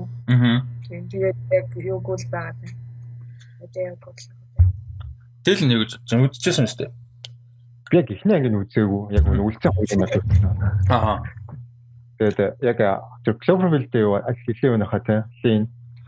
Тий Cloverfield Lane э Tim Cloverfield Lane амар сайн кино. Тэр мөтрөөс ерөөс амар гоё mystery. Тэрийг бүр киноны турш хадгалж явдаг. Тийм. Royal Instinct. Гэтэ хүнийг бүр амар төөрөгдүүлт юм байлээ. Аа яг гадаа юу болоод байгаа эсвэл би энэ ингээ хоригдчиход байгаа юм уу юу гэж тийм ингээд амар тийм гоё мистери явсараад дуусдаг. Тэгээд парадокс болохоор жоохон сул гэхдээ гоё юм ихтэй. Аа. Бас бас мистери ихтэй. Гэхдээ бас бүр амар гоё яг тийм парадокс гэсэн нэрэндээ тохирсон мистери юм гэхдээ сэн сэн юм хөл тэгээд сүүлдээ бүр амар тийм эпик юм болоод амар гоё зураг. Надаа би ер нь Cloverfield franchise айгуу дуртай. Айгуу weird franchise ингээд амар weird. Ингээ Canon холбоотой юм шиг үгүй юм шиг franchise юм шиг үгүй юм шиг ингээд what the fuck is it гэмээр юм сонирм. А тэгээд юуг чинь тэгэж ярьж байсан шүү дээ. Cloverfield-ийн franchise кино байж магадгүй амар ярьжсэн нөгөө Overlord гэх кино. 20 дугаар дайны үеийн нэг цэргүүдтэй тэгээд нөгөө эксперимент гэдэг. Тэр чинь Cloverfield-ийн франчайзинг кино гэж ярьж байгаа тэгээ болцсоохгүй. Яг нь public гэж ярьж байсан. Тэгээ болцсон. Аа. Тэгээ Cloverfield-ийн хувьд бол би тухайд юунд үзчихсэн. Яг тэнгист гарч исэн байхгүй. Сүйтгэгч гэх нэртэй гарч исэн амар сүртэй. Тэгээд Cloverfield-ийг тухайд үзсэн бүр яг тасархай experience эсэ бүр кино театрт үзэхгүй бол яг Cloverfield-ийг анх удаа үзсэн үнэхээр галзуу experience. Тэгээд миний агуу дуртай кинонд нэг А тэгээд энэ франчайз ер нь яг өдөртэй франчайз тэгээд а үргэлжлэхээр болж байгаа нэгдүгээр амар гоё мэдээ. А тэгээд дээрэс нь бас гоё позитив мэдээлэлүүдийн нэг юу гэхээр яг энэ дээр яг ажиллах гэж байгаа уран бүтээлч нь болохоор Joe Barton гэдэг хүн ажиллаж байгаа юм байна. А тэгээ энэ болохоор мань хүн болохоор энэ HBO дээр биш BBC дээр гарсан тэ Netflix дээр байлаа. Монголд Netflix-ээс орж болж байлаа. Giri Giri гэдэг дали зураас Haji гэдэг ийм Япон нэртэй ийм crime drama зураг амар weird зэ. Лондонд тэгээд Токиод зэрэг үйл явдал нь ингэж холдож болдог ийм амар international storyтэй ийм crime drama юм байна. Айгуу сайн үнэлгээтэй. А тэгээд тэр юуг болохоор а цувралыг болохоор юу яасан? Хийсэн уран бүтээлч юм байлээ. Айгу өндөр үнэлгээтэй яг цуцлагдсан. А тэгээд бас нэг амар позитив юм нь болохоор мань хүн Gotham PD гэдэг нэг цуврал ороод байгаа шүү дээ. Batman цувралын биш киноны удахгүй багч байгаа Batman киноны спин офф цуврал гарна гэж тэгсэн шүү дээ. Тийм. Тэрийг хийхээр болж байгаа юм байна. Нэг хэсэг тэрэн дээр чинь өөр хүн ажиллаж байсан шүү дээ. Terence Winter гэдэг нэг Boardwalk Empire-ыг хийчихсэн хүн хийчихсэн. Тэгээ болоо гарцсан шүү дээ. Тэгээ одоо оронд нь энэ хүн ажиллахаар болсон юм байна. Тэгэхээр ер нь бол айгу давгүй аа уран бүтээлч бол ямар ч байсан ажиллахаар болж байгаа юм байна. Тэгээд Joe Barton одоо болохоор post production хийж байгаа юм байна. Нэг том киноны, sci-fi киноны. А тэгээд тэр sci-fi кинон Amazon Studio эрхийг авцсан юм байлээ. Бүр аль хэдийн бүр ингээд эрхийг аль хэдийн аваад зураг авалтан сая quarantine дундуур хийгдээд тэгээд одоо post production дээр явж байгаа. Гол дүрд нь Riz Ahmed одоо нөгөө Sound of Metal тоглосон. Riz Ahmed Octavia Spencer хоёр гол дүрд нь тоглосон юм epic sci-fi кино юм байлаа. Nice. Octavia Spencer гэдэг чи хэн блээ? Octavia Spencer-гээ харангуут баг кино болгон дээр явдаг Nice Black Lady. Shape of Water үзсэн мал чи танд үү? Оо. За за. Олчлоо. За энэ бас юм гой мэдээ байна. Би бол ямар ч айгу хайптай байгааг тэгээд бас дайггүй яг уран бүтээлийн үзэж байгаагүй ч гэсэн сонирхолтой уран бүтээлч байгаа учраас сонирхолтой санагдаад байгаа. За дараагийнх нь мэдээ Cloverfield-ыг бас манай юу сонсогчд үзэгчд бас юу сэтгэлдээ хуваалцаарай гэж юу амаар байна. Хүсмээр энэ ер нь Cloverfield franchise-д хэр дуртай бэ? Тэгээд аль кинонууд нь сонирхолтой байдаг вэ? Тэгээд тэр талаас бас сэтгэлдээ хуваалцаарай. Ер нь агүй сонирхолтой weird franchise тэгээд би харин Кинотокийн Ованда нэг нэг эпизодоор ярьж магадгүй сэдв баггүй. Та хэдтэй бас байгаа юм. Аа сэдв. Ер нь бол та дундаараа хэдвэрээ сайхан талийч. Юу вэ гэхээр би Cloverfield дээр аниме үзмээр байгаа байхгүй юу? Яг энэ world дотор заавал энэ мангас гарах албагүй. Гэхдээ энэ world дотор аниме ч юм за аниме биш яг Japanese аниме биш юм ахэд animation оо юу цуврал үзмээр байгаа байхгүй юу? Ийм weird sci-fi shit мэдтэй monster monster инээтрээ те тэгээ жоохон R-rated mated те. Ийм юу бол надад айгүй сонирхолтой санагдаад байгаа. Ийм world-д Формат нь яг аниме байвал илүү зүгээр юм. Тийм яг бодохын үед бол за бүр яг тэг яг Japanese аниме биш юма гэхэд Castlevania энэ шиг баггүй аниме нөгөө инфлюенсер хийсэн. Яг зөв Америк production юм гэхэд. Та хэдэд ийм юу байдаг вэ? Яг ийм одоо тэр франчайзаар эсвэл тэр киноноос сэдвлээд ч юм уу тэр киногоор ч юм уу яг аниме хийчвэл яг гоё гэсэн юм бодогдсон байдаг уу? Mortal Kombat уулт нь яг надад бол мөн баггүй юу? Nice. Зүйлс юу те? 18 дээр ч юм уу нэг тийм амар их биш. Гэтэ Mortal Kombat-ийн story яагаад ч нэг кино, хоёр кино, гурван кинонд багтахгүй хэрвээ яг гоё одоо тэр нөгөө universe гоё болгоё, дөрүүдээ гоё болгоё гэж бодож байна. Тэгээд live action бол үнэхээр бүтэхгүй. Тэрийг харуулах хэцүү, харуулахгүй байх хэцүү. Гоё харуулж чадах хэцүү. Тэгээд амар хэцүү. Яг ийм одоо нөгөө нэг энэ сая ярьсаж Castlevania тэгээд энэ Blood of Zeus Center шиг ийм иймэрхүү R-rated тэгээд ийм гоё хүний нэг Азгаа үзлэгсэн нэг тиймэрхүү. За тий яг иймэрхүү байж чадаад яг Mortal Kombat-ын сториг гоё хийвэл янзын болох хэрэгтэй. Та хоёрт э, амра Дилнерс тийм юу байна аа? Надад болохоор юу байна? Нэ нэр бас нэг Cloverfield-ийн аним дээр нэг яг найруулагч нэг Satoshi Kon байсан бол амар зүг юм ба. Яа, гэтээ тэгэхээр бүр амар experimental амар бүр галзуу болчих те. Яг яг тийм цуурлах юу байна? BioShock гэдэг тоглоом байдаг. Аха. Тийм яг фото trilogy franchise-ийн яг тэрний яг тэрний ертөнцөөс хэдүүлсэн бас аниме байвал амар зүүн бах. Тэгээд өөр BioShock өөр тийм retro futuristic тэгээд бас John science fiction гэхдээ тэгээд нэг тийм жоо steampunk маягийн ертөнцтэй тийм зурлах гоё тэгээд ерөөсөө тийм юу амар аа та юу social commentator амар ихтэй. Тэгээд ерөөсөө тийм жоохон Америкийг жоохон тийм дафасан яг тийм даваа юмнуудын нийл гаргадаг тийм хөө зурлах. Аа. BioShock гэсэн үү? Тийм BioShock. За. Nice. Аа за.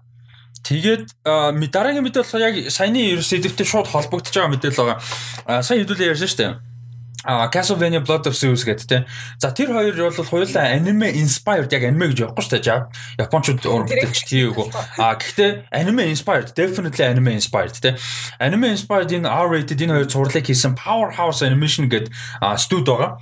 А тэр студийнхан Legendary Television компанитай хамтраад Netflix-тэй хамтраад юу яхаар болж байгаа юм байна. А Skull Island одоо Kong Skull Island кинонд гардаг Skull Island а тэгээд Tomb Raider хоёр дээр суурилсан аниме одоо аниме inspired цуурлууд хийхээр болж байгаа юм. Аа тэгэхээр ер нь бол яг production-ыг нь юу хариуцсан гэсэн үг Legendary Television компани хариуцж байгаа. Netflix distributor-ийн а яг яг actual animation-ыг нь яг Castlevania Blood of Zeus-ийг хийсэн Powerhouse Animation компани хийхээр болж байгаа юм. Ийм мэдээлэл. Энэ дээр ямар сэтгэлтэй байна? Аа Skull Island-ийн хувьд бол нөгөө арал дээр нь болж байгаа үйлдэлийг харуулна. Хүмүүс тийчээ survive survive хийж байгаа. Тэгээ өөр ямар мангас сангас юм байж болж юм бас сонирхолтой мэдээж. А тэгээд Tomb Raider бол яг айгүй сонирхолтой юм. Тоглоомны одоо юу штэ сүүлд гарсан trilogy тоглоом ба штэ. Tomb Raider Rise of the Tomb Raider, Shadow of the Tomb Raider. Tomb Raider-ээс 25 жилийн дараа гасан үйл явдал амар санаа. Энд чинь болохоор дөнгөж 24 5-т дөнгөж 21 2-т ч юм 24 5-т дөнгөж 20 гарч байгаа Lara Croft гардаг штэ тоглоом дээр бол тэ дөнгөж 20 гарч. Тэсэн чинь одоо болохоор 25 жилийн дараа гэсэн. Тэгэхээр дөнгөж 40 гарч байгаа ч юм уу 50 40 байгаа ийм Lara Croft-ийн тухай гарна гэсэн адал явдалтай бас. Тэгээ энэ дээр ямар сэтгэлтэй вэ? Яг тийм Lara Croft бол бүр амар experience Lara Croft байгаа юм дээ. Аа Бүр бүр fucking badass гэсэн үг шүү дээ. Дараа Анжелина Жолийн Clara Cross бас тийм аим хөгшин биш байгаагүй тий. Байгаагүй байгаагүй. Анжелина Жоли ч өөрөө залуухан байсан юм чи. Тэгэхээр бас тийм аим хөгшин Clara Cross-ыг харна. Гэхдээ хөгшин гэхээр бас хөгшин гэхэд бол хэцүү шүү 40 эдтэй гэхээр чинь гайгүй байгаа шүү. юм уу да. Гайгүй чи Dwayne Johnson 50 гарч байгааг л бодлоо 50 гарч байгааг. Tom Cruise 60 хүрч штэ. Нөгөө залуу хүмүүс 70 гаруй байсан болохоор яг 20 хэдэн жилийн дараагаар хөгшин санагдаад. Аа тиймэрхүү. Тэгээ Minecraft-ыг яг тиймэрхүү дүрээр харна хэрэг амар гоё юм байна. Ерөөсөө өмнө яг хийж харж байгаа тоглоом дээрээс биш тийм War Stories дээр тийм төсөөлөл байгааг болохоор сонирхолтой. Аа. Энэ би нэг массаж байгаастай энэ хоёр нэг universe болох гэдэг юм уу? Гүү юм уу? Үгүй үгүй зүгээр яг хуу хийж байгаа компани, дистрибьютор нь анимашн компани бүгд нэг компаниуд нэг уран бүтээлчтэй яг хамтарч хийж байгаа учраас түүнээс мэдээж юутай бол хамаагүй шүү дээ. А тэгэхээр Skull Island гэдэг юу болохоор аниме одоо animation inspired цуврал нь болохоор энэ Monsterverse-тэй нэг universe юм байна. Одоо Godzilla King of the Monsters, Godzilla vs Kong, Kong Skull Island эдгээртэй бүгдээрээ нэг universe. А тэгээд Kong Skull Island кинонд гардаг Skull Island дээр үйл явдал нь болно. Тэр Skull Island дээр нь өөрөө сонирхолтой юмнуудаас сүнсэн амьтад байгаа. Тэр тэр тэр нь explore тий. Мөгийн гаццсан нөө эсвэл яг ийм амар под бэрээд байна уу? Тэг Монгол стил юм тийм. Мөгийн байна уу? Би бэн тайт байна уу? Мөгийн өсөс амар подтой гацлаа шүү дээ. Э энэ яач юу ямар тийм үйл явдал бодлоо чи. Skull Island ярьсан чинь л. Юу юу Skull Island юу. Түүш бод энэ ихтэй гоё болох байхаа. Би энэ юу of Zeus хоёрыг хийсэн энэ студид гүнээ итгэж байгаа. Nice. Хоёр амар гоё. Үнээр гоё байсан тэр design-аас зөвлөл яд юм бол гэж бодсон. Яг энэ хоёрыг хийхдээ арай өөр маягаар хийвэл илүү гоё байж магадгүй гэж бодсон. Аа. Skull Island-ийн юуны дизайнер хийвэл сонирхолтой хаа. Ghibli-гийн хийсэн Red Turtle гэдэг нэг анимашн шүү дээ. Аа. Тэгэд миний хувьд харж байгаа хоёулаа R-rated байвал гоё юм шиг санагдаад байгаа. Тий. Гэтэ Lara Croft-ыг R-rated хийх үү? Яагаад болохгүй гэж зүгээр амар амар байраас гар үзүүлсэн шүү дээ. John Wick style те бүр ингээд 44 5-тай бүр ингээд fucking experienced болсон зүгээр те тий сонирн биш болсон хүнд гар үйж болно шүү дээ. Why not? Let's see. Tomb Raider л жоох хэрэгтэй. Түүнээс Skull Island бол асуудалгүй л байна л та. Skull Island болохоор нөгөө Primal санаанд орж шүү дээ. Яа тий тий тий тий. А тэгээд уран бүтээлчдийн хувьд болохоор Skull Island зурлыг нь Brian Duffield гэж уран бүтээлч хийх юм байна. Одоо яг нөгөө writer producer нь. А тэгээ мань хүн болохоор саяны нөгөө саяны гинэ жилийн өмнө гарсан Кристен Стюарт тоглодог Underwater гэх кино байсан шүү дээ. Тэрэн дээр ажилласан юм байна. А ийм уран бүтээлч бол хийх юм байна. А Tomb Raider-ийн цувралыг нь болохоор Таша Хуо гэдэг нэртэй уран бүтээлч ажилласан юм байна. Энэ болохоор The Witcher-ийн animation цуврал бас хийгдээд байгаа шүү дээ. Blood Origin гэдэг хийгдэж байгаа. Тэрэн дээр ажиллаж байгаа хүн юм байна. За, иймэрхүү уран бүтээлчд студ production distributor компаниуд хамтарч ажилласан юм прожектууд хөдөлж байгаа юм байна. За энэ дараагийн мэдээллийг Harry Potter fan байна уу? Манай хэд донд?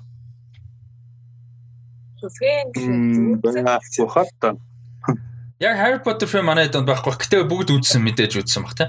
Аа За дараагийн мэдээ болохоор айгүй сонирхолтой мэдээлэл аа агуулгын тодорхойгүй ямар юуны тухай байхын тодорхойгүй гэхдээ HBO Max дээр Harry Potter-ын ертөнцийн дотор ямар ч үйл явдал болохоор телевизэн зураг хийхээр болж байгаа юм. Аа тэгээд одоогондоо яг номноос сэдвэх юм уу, reboot юм уу, эсвэл нэг universe юм уу, юу юм бүр юу тодорхойгүй. Ямар ч Harry Potter world дээр сэдвсэн гэж байгаа. Энэ дээр ямар ч сэтгэлтэй байна. Одоо аа түрүүн хэдүүлээ ярьж байсан. Одоо ингээ Cloverfield-ийг жишээ нь цуврал болгоол гоёо гээл те. Аа тэр нөгөө Fear the Walking Dead ингээд амар олон юм болчлоо гэж ярьж байна. Тэгмэд Harry Potter одоо телевизэн цуврал болж байна. Нэгдүгээр энэ дээр ямар сэтгэлтэй байна? За нэмээд өө цувралтай болвол гоё гэсэн кино юу гэдэг вэ? Эсвэл кино болвол кино дундаас нь хийвэл гоё гэсэн цуврал. Harry Potter ч өөрөө нэг тийм амар fantasy ертөнц тэгээд уус амар том ертөнц тэгээд тэр world-ын explore хийхэд бол яг телевизэн цувралын форматад хамгийн гоё төгсөж байгаа юм байна. Аа. Тэгэхээр яг юунаас сэтүүлчих нь бол тодорхой байгаа гэсэн ямар ч сан бас тийм амар сэн гой гой стори их үүдэж таараа бод. Чинь тэднээс сэтүүлээд бас нэг гой цувралтай болчихсон. Аа. За та юу гэж бодож байна? Би бол зодод мэдэхгүй юм да. Хэцүү л. Надад хэрэг байгаа юм бол дөө л гэж бодсон. Тийм Би бол яг хав би амар том фэн биш л те гэхдээ нэг хинээс үлээдээ сонсч байсан юм а. Яадаг гэсэн чинь энэ world нь уул нь юу юм бэ лээ. Одоо Fantastic Beasts дээр бид нэр Америк хөлбөрийг харсан шүү дээ Wizard and School-ийн. Тэгээд нөгөө нэг Wizard-ийн юу ч лээ whatever за фэнүүд нь сайн мэдж байгаа. Яг Harry Potter фэнүүд. Гэхдээ нөгөө Америк version-уудыг бид нэр харсан шүү дээ. А тэгсэн чинь энэ сургууль нь юу шиг Hogwarts те. Hogwarts-ыг сургуулаа. Тэгээд энэ нөгөө нэг юм magisterium something юу вэ? Ministry something. Ийм юмнууд нь зөвхөн Америк Англид байдаггүй бас Африкт байдаг Аз Мазд байд юм байна л да энэ world-д нь. Уул нь бол. А тий тэд нар бүгдээр өөр өөрсдийн гэсэн culturally тэ соёл талаасаа түүх талаасаа tradition талаасаа шал өөр одоо Африк гэх тэнгууд амар шаманизм энтертэй ойрхон морхон за ингээд юм амар юу амар tribal team тэнгууд Аз гэх тэнгууд мэдээж Аз эстетиктэй те одоо юу байдیں۔ А тэнгууд ийм юм бол байд юм байна л да уул нь бол яг дурдж юм мурдагдаал ингээд явд юм байна. Тэнгууд тэднийг нь илүү explore яг Harry Potter гэдэг дүр ч юм уу тэрнээс холдуулаад тэгээ Hogwarts центрээс холдуулаад тэнцэн мэдээж амар epic юм болж л байгаа шүү дээ. Хэсэг дөрүүд байж таарна юм хөгжиж байгаа. Тэднийхэн соёл нь мэдээж өөр байгаа. Тэнгүүт тэрэн дээр нь explore хийсэн зурлал байл айгуу гоё юм шиг санагдсан надад бол. тийш тэр чинь нэг дөрөвдүгээр анги дээр нэстэй Order of the Phoenix дээр нэг гардаг штэ. Амар олон өөр улсуудын Тийм Орос Морс гарууд ирээд идэв штэ. Орос гарууд ирээд идэв. Нөгөө нэг тэмцэн дээр дэлхийн авраг дээр нь болдог штэ. Тийм. Тийм тийм тийм тэр шиг байхгүй юу? Тэгвэл илүү IDM гоё юм байна. Тийм тэгэд одоо яг нөө Harry Potter гэд энэ нэг хитэн мэддэг character Hogwarts центрээс олдуулчих хэрэгтэй байхгүй юу? Зүр энэ Wizarding World гэдэгтээ одоо анхаарал хандуулад тий. Тэгвэл гоё. За а энэ дээр тэгээд миний нөгөө хоёр дахь асуултанд та юу байна вэ? Хариулт сэдв байна уу? Юу байлаа? Бүрийн хэмжээний кино гарах хийж болохоор цувралтай сэдвлээд ч юм уу спин офф эсвэл цуврал хийж болохоор гоё кино юу байдаг вэ? Бүрийн хэмжээний харин да. За та хэдий яаж хоорондор би яг зөв жишээ дуртад яг би анза за тэлнэр Йоо, Miss Peregrine's for Home for Peculiar Children нөөштэй. Тэрийг яг сурал болгочихвол илүү зүгээр байсан юм болоо гэж бодсон. Аа. Бүрийн хэмжээний кино явуулчихаар яг тэр гоё world бас амар сонирхолтой world та шүү дээ. Тэгээ бас жоон тийм creepy жоон dark world. Тийм уулан тий. Тэрийг ингээд сурал болгоод явцсан бол илүү гоё байсан болоо. Тэгээ дөрүүд нь ч гэсэн илүү гоё сайн хөгжүүлэгдэх байсан болоо гэж бодсон. Аа. Шинэ нэг Eva Green-тэй юм шүү дээ тий. Тим Бартон нэрэл тий. А би болохоор яг хуу миний санаа биш шүү. Гэхдээ зүгээр угаасаа бэлэн байгаа юм юу гэхээр зүгээр яг анх үдчихэж хахад нэр байвал гоё юм байна да гэж угаасаа баг баг үдсэн болно бодож байсан ба. John Wick. Тэгээд тэр John Wick тэр corporate ч үлээ corporation ч үлээ юу ч лээ хотел гэдэг шүү дээ дом. Юу лээ? Тэрнийхэн телевизийн зураг хөгжүүлж байгаа шүү дээ. Тэр амар гоё idea. Ингээ assassin-ууд байдаг, өөрсдийн гэсэн currency currency-тэй. Тэгээд нөгөө нэг э, тэнийг асуултууд өгдөн шүү дээ. Нэг ингээд тэр дотор нэг юм зоос хэрэглээд өгдөн шүү дээ. Тэг ингээл нэг текила уучаал зоос өгөөд өгдөг. Нэг юм ховц авахаараа зоос өгөл нэг буу авахаар тэр зоос нь ямар үнэтэй юм бэ гэсэн хүмүүс боож өгөх гэдэг. Тэр шиг тэр бууралд амар гоё. Тэгсэн чинь тэрүүгээр тэрний тэр буудлын талаар сурлаж байгаа. Тэгээ дээрэс нь юу хийж байгаа юм бэ штэ. Нөгөө гурав дээр хөлөө нэг балеринанууд гараад идэв штэ. Санаж байна уу? Бүжиглээд. Тийм тийм. Тэрнийхэн тухай юу яаж байгаа юм бэ лээ? Аа цуврал хийж байгаа юм бэ лээ? Тийм балерина. Тийм баг тий. Ярьчихсан. Тийм. Буудлын нэр нь юу вэ? Continental Тэ а континентал яс тийм тийм континентал муу Улаанбаатар байдаг буудлын нэрсэн. За. Корпоратив континентал л гэж. Аа. За тэгэд өөр тийм юу байна? Зүгээр санаанд орж байгаа юм уу? Яг амар нэг байх хэвээр цаашаа тийм. Яг ерөөс ингэж болж байгаа юм. За дараа нь болж байгаарэ. За аа юу яа үргэлжлүүлээ ярьчих. Тэгээд манай сонсож байгаа үзэж байгаа хүмүүс бас гоё хэрвээ аудио version-оор сонсож байгаа YouTube дээр орж ирээд бас гоё комент хийрээ те. Ямар кинон дор spin off ч юм уу гоё юм цуврал байвал гоё вэ. Тэгээд ямар цуврал дээрс бас кино байвал гоё вэ гэдгийг бас сэтгэл хаваалцаар. Одоо цуврал дээрс нөгөө нэг all time гэж яригддаг цуврал дээр одоо кино хийгдэж байгаа шүү дээ. Sopranos Сопрано суурал дээр залуугийнхан Тони Сопраног нэг гол дүр нэдэг шүү дээ. Тэрний залуу насыг нь харуулсан кино бүрийн хэмжээний кино хийгдэж байгаа шүү дээ. А тэгээд тэр кино түрүүн энэ ч мэдээлэл ярьж хахад дунд нь релиз дэйт дунд байсан те би дурдааг үл яг хүмүүс сайн мэдгүй байх гээд. Тэгээд тэр суурал дээр бас сонирхолтой хүүхэд нь хиний дүр тоглож байгаа юм байна. Тони Сопраногийн дүр. Тони Сопраногийн дүр тоглосон Джеймс Гандолфини гэдэг жүжигчин байдаг шүү дээ. Мондог жүжигчин тийм байх нь асурцсан. Тэгээд залуугийн дүрд нь хүүхэд нь тоглож байгаа юм байна. Аа, nice. Тэгээд ерөн Sopranos бас үзэх ёстой л гэдэм байлээ шүү. All time гэж ярьдсан байлаа шүү. Аа, HBO-гийн зур. Гэтэ хамгийн тэнэг нь нөгөө төгсгөл нь амар хүмүүс хуваагдсан. Яг төгсгөл бүр яг final төгсгөлийг нь ангин ч биш яг төгсгөлийн шот нь зав. Тэгээд тэрэн дээр бүр ингээд баг интернет дэлхий хоёр хуваагдаад амар юм болцсон. Тэгээд тэрнээс болоод хаасаагүй conversation байдаг болохоор үзээгүй мэн мэд. За та хэдийг мэдгүй би хамгийн төгсгөлийн шотыг мэддэг. Бүр ингэ шоуных нь хамгийн төгсгөлийн шот. Тэгээ тэр нь амар галзуу за. Миний үздэг хайртай аль шоу яг тэгж төгсөх юм бол би бол одоо fuck гэхээр зөө. Нэг ч эпизодыг би нэг ч минутын ч үзээгүй мөртлөө хамгийн төгсгөлийн шотыг харсан. Тэгээ тэр амар нэг тийм сонио яг сайн гэдэг юу болохоо мэдээж үзэн л дээ гэхдээ сонио. Та идэх үү? Ингээд яг би яаж төгсдгийг мэдээж хэлээд яг та хараагүй бол гэхдээ зүгээр ингээд амар хайртай зурц Game of Thrones дээр жишээ байгаа хаа. Гэхдээ бүр бити эпизодоор биш. Бүр юм нэг шот яг төгсгөлийн шот нь амар шит ч юм уу эсвэл амар weird байл ингээд ямар санагдах вэ? Тэгээд мэдчихвэл шал бага юм аа. Walking Dead-ийн төгсгөлийг тийм байвал амар уурлах амар сул. Тэгээ нөгөө амар тийм сонь теоринуудад ахсан тийм төгсгөл байвал Би төгсгөлийн хэлчихв. Ам захт хэл захтаад байгааг. Оо яа. За за хараагүй бол болог бол. Гэтэ амар сонио тэр бүр. Ингээд тийм. Муу гэдэг утгаараа юм уу? Хүний уур үргэж одоо тийм нэг тийм Гэхдээ муу гэдэг утгаараа биш. болгосон утгаараа юм. Зүгээр what the fuck гэмээр. Би ямар сан дэлгэц бүр ингээд нэг ч минут тэр шоуг үзэж байгааг мөртлөө яг тэр төгсгөлийн шотыг хараад л what the fuck гэмээр байгаа байхгүй. Тэгж дуусна гэдэг. Бүхэл бүтэн 5 6 сизон явцсан. Тим амар фэнтэй тим амар өндөр үнэлгээтэй apparently мондог шоу. Тэгж дуусна гэхэд what the fuck гэмээр. Надад л One Piece тэгж дууссан бол би уйлна гэсэн. Тэр бол тэгтээ бас айгүй зөрөгтэй шийдвэрлээс юм шиг байгаа. Яг тэр уран бүтээлчтэйхаа зүгээс тэгж дуусгах. За. Аа юу юм уу? Яг тэр төлөвлөсөн юугаараа ингэж тэгж дуусч байгаа юм уу тий? Тийм яг уран бүтээлчт л өөрсдөө л дуусгаж байгаа юм тэр. Тэгвэл тэгэл тэр хүмүүс амар гоё байгаа л гэдэг шин. Муухай evil evil инээгээ суучдаг үзэж байгаа хүмүүс нь бооч өгөх гээл. Breaking Bad-ын төгсгөл дээр ийм юу яриа мараа ч юм уу иймэрхүү байдгүй үстэй. Breaking Bad-ын төгсгөлтөө баг дэлхийн нийтээр яадаг үстэй санал нэгдэг үстэй те сайн төгсгөл гэдэгтэй бол Тэрнтэй тэгтээ яг дэлхийн цаашаа юм. Тэгтээ ер нь бол яг цөөхөн байдаг л баг жоохон нөгөө нэг Волтер нас урсан гэдэг ч юм уу инээ тэрээгээд нөгөө нэг хүү хүү Skyler хоёртой холбоотой яриа нөгөө нэг диалог сүүлийн нэг хэд эпизодын тэ уулзч муулцдаг. Тиймэрхүү юм байж магадгүй. Тэрс ер нь overall бол тэгэл амар санал нэг шүү дээ. За дараагийн мэдээ.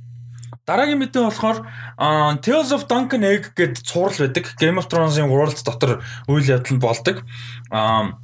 Tales of Duncan Egg гэдэг цуврал ерөөд 3 богино хэмжээний юм зохиол зохиолоос зохиол нийлсэн юм цуврал.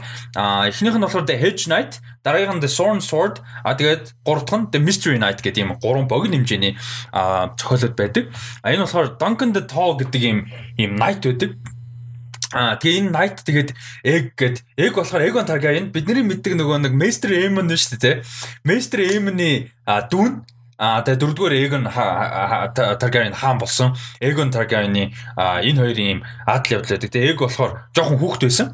Тэгээд ийм жоохон хүүхэд тэгээд энэ нэг ийм амар өндөр ийм авраг том Knight энэ хоёрын ийм Westeros-оор аялсан ийм адал явдлын тухай ийм зохиол байдаг. Тэгээд яг уншсан хүмүүс нь бол бүр айгүй сайн гэдэг юм лээ. Яг гурван зохиол нийлээд ийм ном болж гарсан 15 хэвлэгдэж энэ болохоор гурван зохиолыг нийлүүлсэн хувилбар юм байна. Night of the Seven Kingdoms гэдэг. Аа тэгээд энийг бол яг би уншиж арай амжаагүй байгаа. Энийг бол айгүй сайн гоё гэдэг юм байлээ. Аа тэгээд Ерөнхийдөө юу л ахгүй Мандалорын л ахгүй да мэдгүй хүмүүст Game of Thrones мэдгүй хүмүүст бол яг Game of Thrones-ын Мандалорын ахгүй нэг Night нэг хүүхэдтэй яг арай baby одоо шиг baby бол биш гэхдээ ингээм хамт явж байгаа.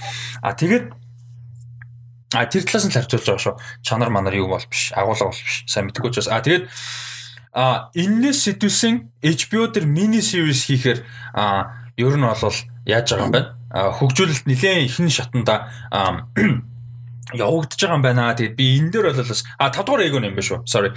Аа яг яг бүр сайн нарийн мэддэг фэнүүдийг барьж идэл. Аа мэдгүй хин чин одоо 5 дугаар тэр манай Джон чин цуврал дээр баг 7 дахь эгон мегон болцсон айцаа. Аа за тэгээд ийм болол мэдээлэл байгаа юм. Ер нь бол энийг мини series болгож хийх талаар ярилцж байгаа юм. Энэ дээр бол би айгу юу байна? санал нэг нь яг би уншиж байгаагүй ч гэсэн яг хоёр дүрийн адал явдлын тухай ийм гоё юу болохоор яг гоё мини series ахтай голж байгаа 8 эпизодтай ч юм уу 10 эпизодтай ч юм уу тий. Аа тэгэж бодож байна. Та хэдэд сая түрүүний асуулттай л ер нь үргэлжлэх гэдэг л та санаанд юм орсон уу? Ороог байгаа юу? цуврал хийвэл юу гоё гэдэг. Эсвэл телевизийн цувралуудын та ер нь зарим нэг дүрийн талаар prequel гэдэг санал байна уу? Одоо чинь Better Call Saul шүү дээ. Saul Goodman-ы талаар одоо 5 season masterpiece гэж яригадаад байгаа. Би яг эхний season л үзсэн. Цуврал байна. Тэр шиг тийм аа сан санаанд орж байна уу? Телевизийн цуврал талаар. God дээр бас яг бодож байна. God дээр бас нэг тийм prequel зүгээр юм шиг. Жишээ нь юун дээр гарч ирсэн нэг Hound episode дээр season 6 дээр нэг янг мэгшээ нэг comeback гэдэг юу гэдэг шүү дээ. Тиймэрхүү байдлаар зүгээр нэг зүгээр ингийн арт хэрэг амьдлыг харуулсан юм тиймэрхүү байдлаар. Гэтэ бас миний. Аа. Уул нь тэгвэл гоё зэ. Аа. Зүгээр л яг тэр тэр world дээр амьдэрдэг хүмүүс юм тэгэхээр. Аа. Тэр амар гоё episode байсан. Тэгээд нөгөө нэг тийм одоо энэ Duncan Egg шиг бас нэг ийм агуулгын гоё юм нь юу гэхээр бид нар Game of Thrones дээр үзэх тэр world-ийн дандаа Lord Lady хаануудын л үзээд байгаа шүү дээ. Хаусуудын том. Тэгээ тэдний world чинь шал өөр юм баг. Яг хаяа гарч л байсан л да. Хаяа гарчсан. Гэтэ ихэнхдээ тэгээ дандаа томчуудын. Тэгэхэд энгийн тэр нэг а ядуу ард энгийн ард иргэдийн хувьд тэднэр чинь бүр ингээд төсөөлөд ч очиж харахаарч чадхааргүй юм Lord Lady хаан хатнууд байгаа байхгүй. Тэдний амьдралын хувьд юу байх одоо номон дээр мэдээж яг номыг би илүү сайн байсан гэж байгаа юм биш. Угаасаа номон дээр илүү боломжтой юм юу байсан бэ гэхээр энгийн ард иргэдийн яриа айгүйх анзаардаг. Жишээ нь нөгөө хин а Бриен ингээл Подрик хоёр аялал явж хахад те Санса Кага явж хахад номон дээр чинь энгийн хүмүүст агиух таардаг байхгүй. Янз бүрийн найтууд янз бүрийн юм номлогч момлогч хүмүүстэй те. Тэр тэдний хувьд тэр хаадууд лордууд ямар хүмүүсээ те. Тэдний хувьд хин лорд байхын зарим нэгэн хувьд нь бол хамаагүй байгаа байхгүй.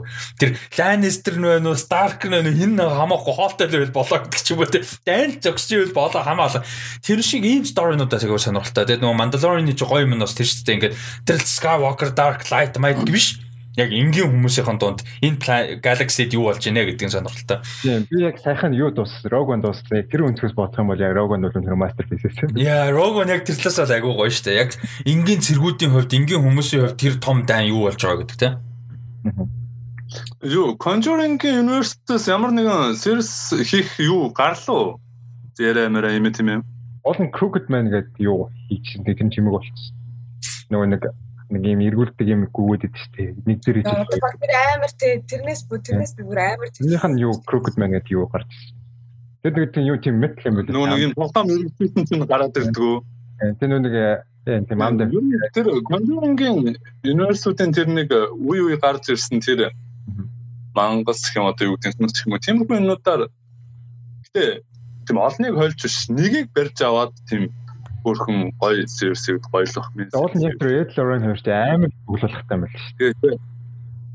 Сүү амар их цуглуулгатай байдаг. Тэгсэн мэтэл ана тэгээд амар ч юу гардаг шүү дээ. Fucking Тэгээ сүүл тэр юу хийсэн дээ? Нөгөө Nan гээ хийсэн биз дээ.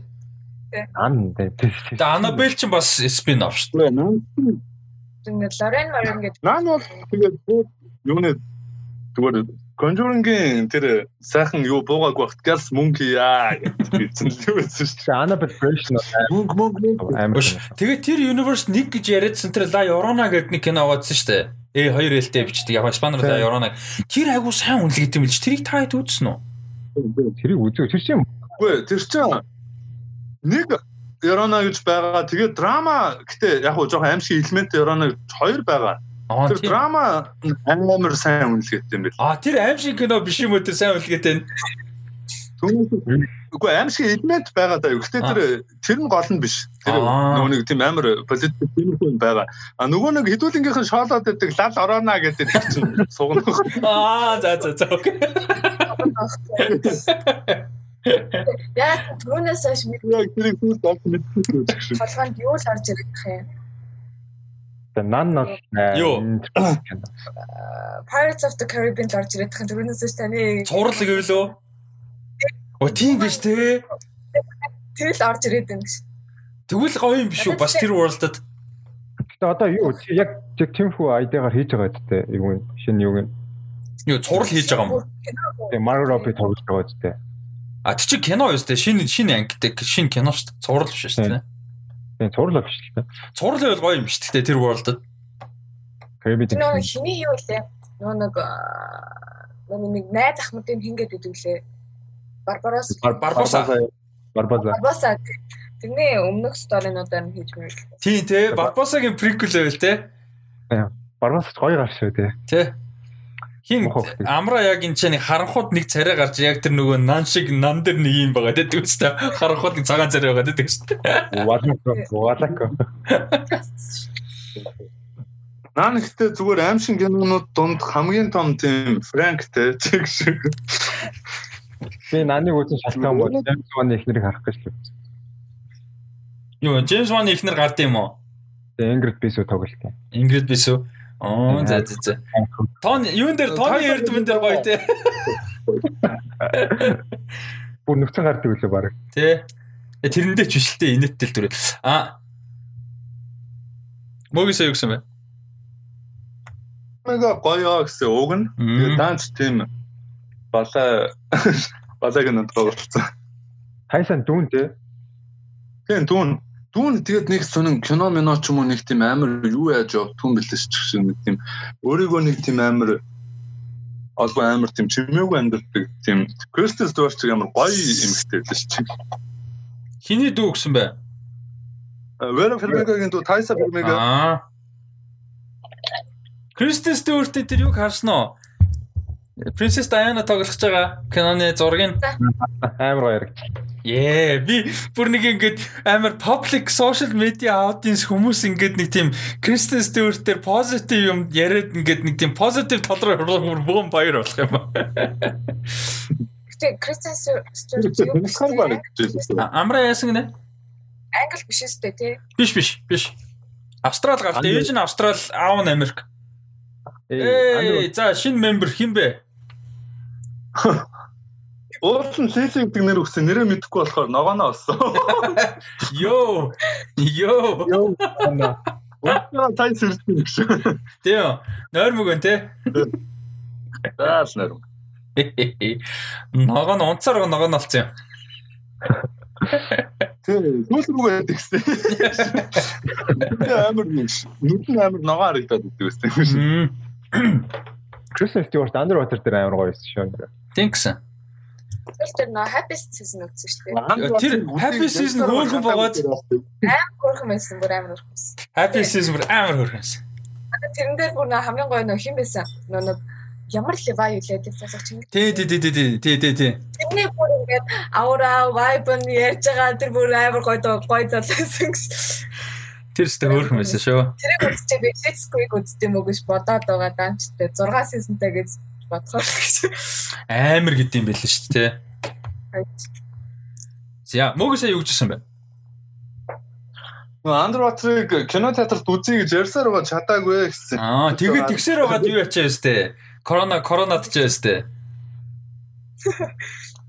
Яг уу коронавигаас өмнө угаасаа буулгацсан шүү дээ. Аа тийм тийм. Нэг удаагүй корона. Тэрийг нь мэдсэн бол тэр үед фактер юу underwater юу мо invisible man театрт үзэхгүй юу? Доктор үзчихсэн ш та нар. Invisible man сүүлд намар гарсан биз дээ. Тэгтэн үзчихсэн. Яг тэгтэн нэг дахиад гарсан. Тэр үед нь бол тэгээд сонирхолтой болсон байсан юм аа. Ad Astra үзсэн амар баяр. Йоо, Astra үзсэн гэстэй IMAX-аар ядж хахад ёо. Тэрээс ундаг гэсэн та нар харсан бол ёо. Тэрэнд бол атаархаад байгаа шүү. Сугууд. Тэгээд одоо нэг театрт юу ч хийсэн хамаагүй үзэхэл. Тэр юу Тийм. Хамаагт намгаар дахиж гарсан ч үзсэн байдаг. Нэг тийм epic киногоор comeback хийлтэй Godzilla vs Kong, Mon, Black Widow, Fast and Furious 9 маань бүр ингээд нэг fucking cinematic юмар те. Тэгвэл гоё байхгүй. Тэгээ сүүлд гэдэг нөгөө нэг карантин тавигдсны дараа нөгөө нэг Prime Cineplex дээр яг нэг хэсэг тийм кинонод гараадсан юм шүү дээ. Тийм, Gladiator гаргасан, King Kong гаргасан, E.T. гаргасан. Юу гаргасан нэрээ бач? Граф гаргасан. Тийм. Тэрийг үзье гэж бодож байсан тэгээд амжаа. Би King Kong юу хоёр л үзэж амжсан. Оо, өөр юу гаргалаа? King Kong бисаа юу гэлээ? Марчлаа явцсан тэгэхээр хоёр кино л үзэж амжсан. Би about time үзсэн. А нэрээ about time болсон шүү дээ. Nice. King Kong бол about time болсон. Нэрээ comeback хийвэлтэй. Юу comeback хийвэлээ? Infinity War Endgame хоёрын нэгээр. Шот хүмүүсийг үзүүлэх. Зөв double feature байл те. Infinity War Endgame шууд үйл үйлээрээ шууд кино театрын бизнес шууд босноо. Гэтэ энэ дотор яг цагаад бол яг үзэх болов бас үзэхгүй гэж магадгүй л шүү. Яг бүр сонирхолтой хэдэн бол үзэн. Тэгээс мань мань мэтэл яг өстэй яг үзэх багт те. Бусдын ч мэдэхгүй. За э дараагийн мэдээ. За энэ ч ингээд юу яаж байгаа cast master-ийн ерөөдөө мэдээлэлүүд явж эхэлж байгаа. Сая бол шинээр хөгжүүлж байгаа, хөгжүүлэлт нь эхэлж байгаа юмнуудын талаар ерөөдөө ярьсан. За одоо бол cast-тай холбоотой, уран бүтээлчтэй холбоотой юм байна. За а энэ болохоор бүр амар гоё мэдээ. За өнгөрсөн 7 хоногтлуудаа тэрний өмнө ч үлдээ хизээчлээ дэлмтээр ярьжсэн. А Дарren Aronofsky A24 дээр кино хийхээр болсон ингээд тэр бүр ингээд тэр тэр дангаараа болоод амар том мэдээ байсан. А тэгсэн чинь одоо дахиад нэг амар гоё мэдээ нь Aronofsky Jared Leto-тай хамтраад Jared Leto гол дүрдэн тоглон дараа нь Aronofsky нэрлэж ажиллана. Тэгээд Blumhouse дээр хоррор кино хийхээр болж байгаа юм байна. Бүр Aronofsky бол зүгээр эзэгнэхээр шийтсэн байна. Зүгээр жанр бүр энийг бүр уншаад бүр ёо юу вэ л гэж бодсон шүү. Наа энэ зүгээр Оскар авна. Ятаргатад. Энэ Барановски яг нөгөө нэг тийм Гэхдээ энэ дээр яг supernatural гэд бичсэн л байлээ л дээ. Гэхдээ амар тийм psychological аимшиг кино гэдэг. Тэгээ тэр нь ч үнэхээр амар болдгийм байлээ. Тэгээд Blumhouse-тай хамтарч байгаа болохоор мэдээж амар supernatural юм хийх байх. Гэтэ шүү дээ. Aronofsky-гийн сүлд үзсэн тэр Requiem for a Dream-ыг үзсэн. Тэгээд тэр бол бүр үнэхээр masterpiece үү. Яг тийм одоо тэр чи нь юу гэмээр чи psychological drama юм да тий. Тэг драма би бүр үнэхээр айсан шүү дээ. Айхаар айхаар Requiem for a Dream бол амар. Бүр ингээд Үнэхээр аим шиг киноноос айж үзэж байгаагүй айс яаж ингэж боддог байна л гэж бодсон. Аа. Дахиж үзүүлэх кино. Энэ дээр бол амар хаттай. Recon for a Dream яг team кинотой нэгтэй бүр ингэж үнэхээр үзсэн за ихэнх нь бүр ингэж шүтдэг. Үнэхээр сайн гэдэг нөлөө зөвшөөрөхөр гэтээ дахиж үзэх хүсэл үнэхээр хэцүү team кинотой нэг те. Өөр team кино бол Boys Don't Cry байгаа. Аха. Тэгээд Ой, Э24-ийн нөгөө нэг Gasparnoy Climax гэх тэр бас дахиж хизээч үзэхэргүй. Ээ бурхан. Яг дунд нь огоол яг болсон доо. Аа гэнэс. За тэгээд аа юу болохоор сая амраа юм ярьчихсан уу? Америк нөө юу гэсэн? Ямар юм нэлээ? Нян дэм үү? Нян дэм. Тэг хүнд байсан л та гэхдээ. Би бол нэг юм нэг 2 жилдээ нэг үзчихтэй ба. Яг үзвэл үзнэ гарч ивэл үзчихнэ. Яг гоё. Дахиж үзмээр санагддаг чинь. Оо, дахиж үзэх би дуртай. Гэхдээ үзэх болгоод амар хэцүү байдаг Hereditary. Бүр амар хайртай кино мөртлөө ингээ үзэхэд дандаа дотроо бүр ингээ амар хэцүү бүр юм заван үздэг бүр. Амар тийм кино хайцангуу гайгүй санагдаад. Аа. Тэр хайцангуу нян дэмнээс одоо би бол дахиж what the fuck амра. Чи дэм нь үзэж хүмүүртлээ хэрэг. Дэм нь амар скоп байхгүй юу? Амар тийм. Наадсан. Make sense. Reddit дээр дээр амра юу?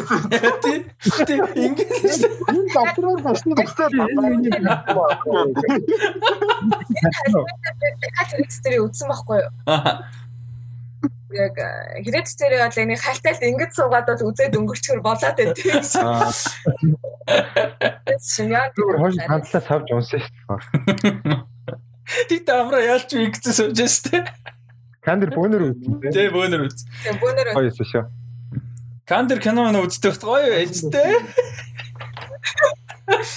Хөөстэй. 7 хоногт 4 үзэр үзэр хийдэг гоё ээжтэй. Тэгээд хоол мод ган гэдэг те. Ганцаас. За. Аа энэ тэгээд э, юу юм бэ? Drift гэдэг нэртэй зохиолоос шийдүүлж байгаа маань богино хэмжээний юм зохиолоос шийдүүлж байгаа шийдүүлж байгаа маань. А тэгээд тэр богино а зохиолыг нь бичсэн болохоор Koji Suzuki гэж хүн бичсэн. А тэгээд Koji Suzuki нь болохоор нөгөө нэг The Ring биш үү? Тэр чинь бол монголоор үг юм сүнстэй биш юм биш үү? Юу вэ? Бүгд юу? Дуудлага гэдэг баг шүү. Тэ нэг монголоор нэрлэдэг юм ба тийм. Ringo. Тийм. Тэр Ringo өнтер гэлээд шүү дээ. Тэр The Ring-ийн яг одоо зохиолыг бичсэн хүн юм байна. Аа тэгээд тэр хүний өөр нэг зохиолоос нь сэтүүлж ишиж байгаа.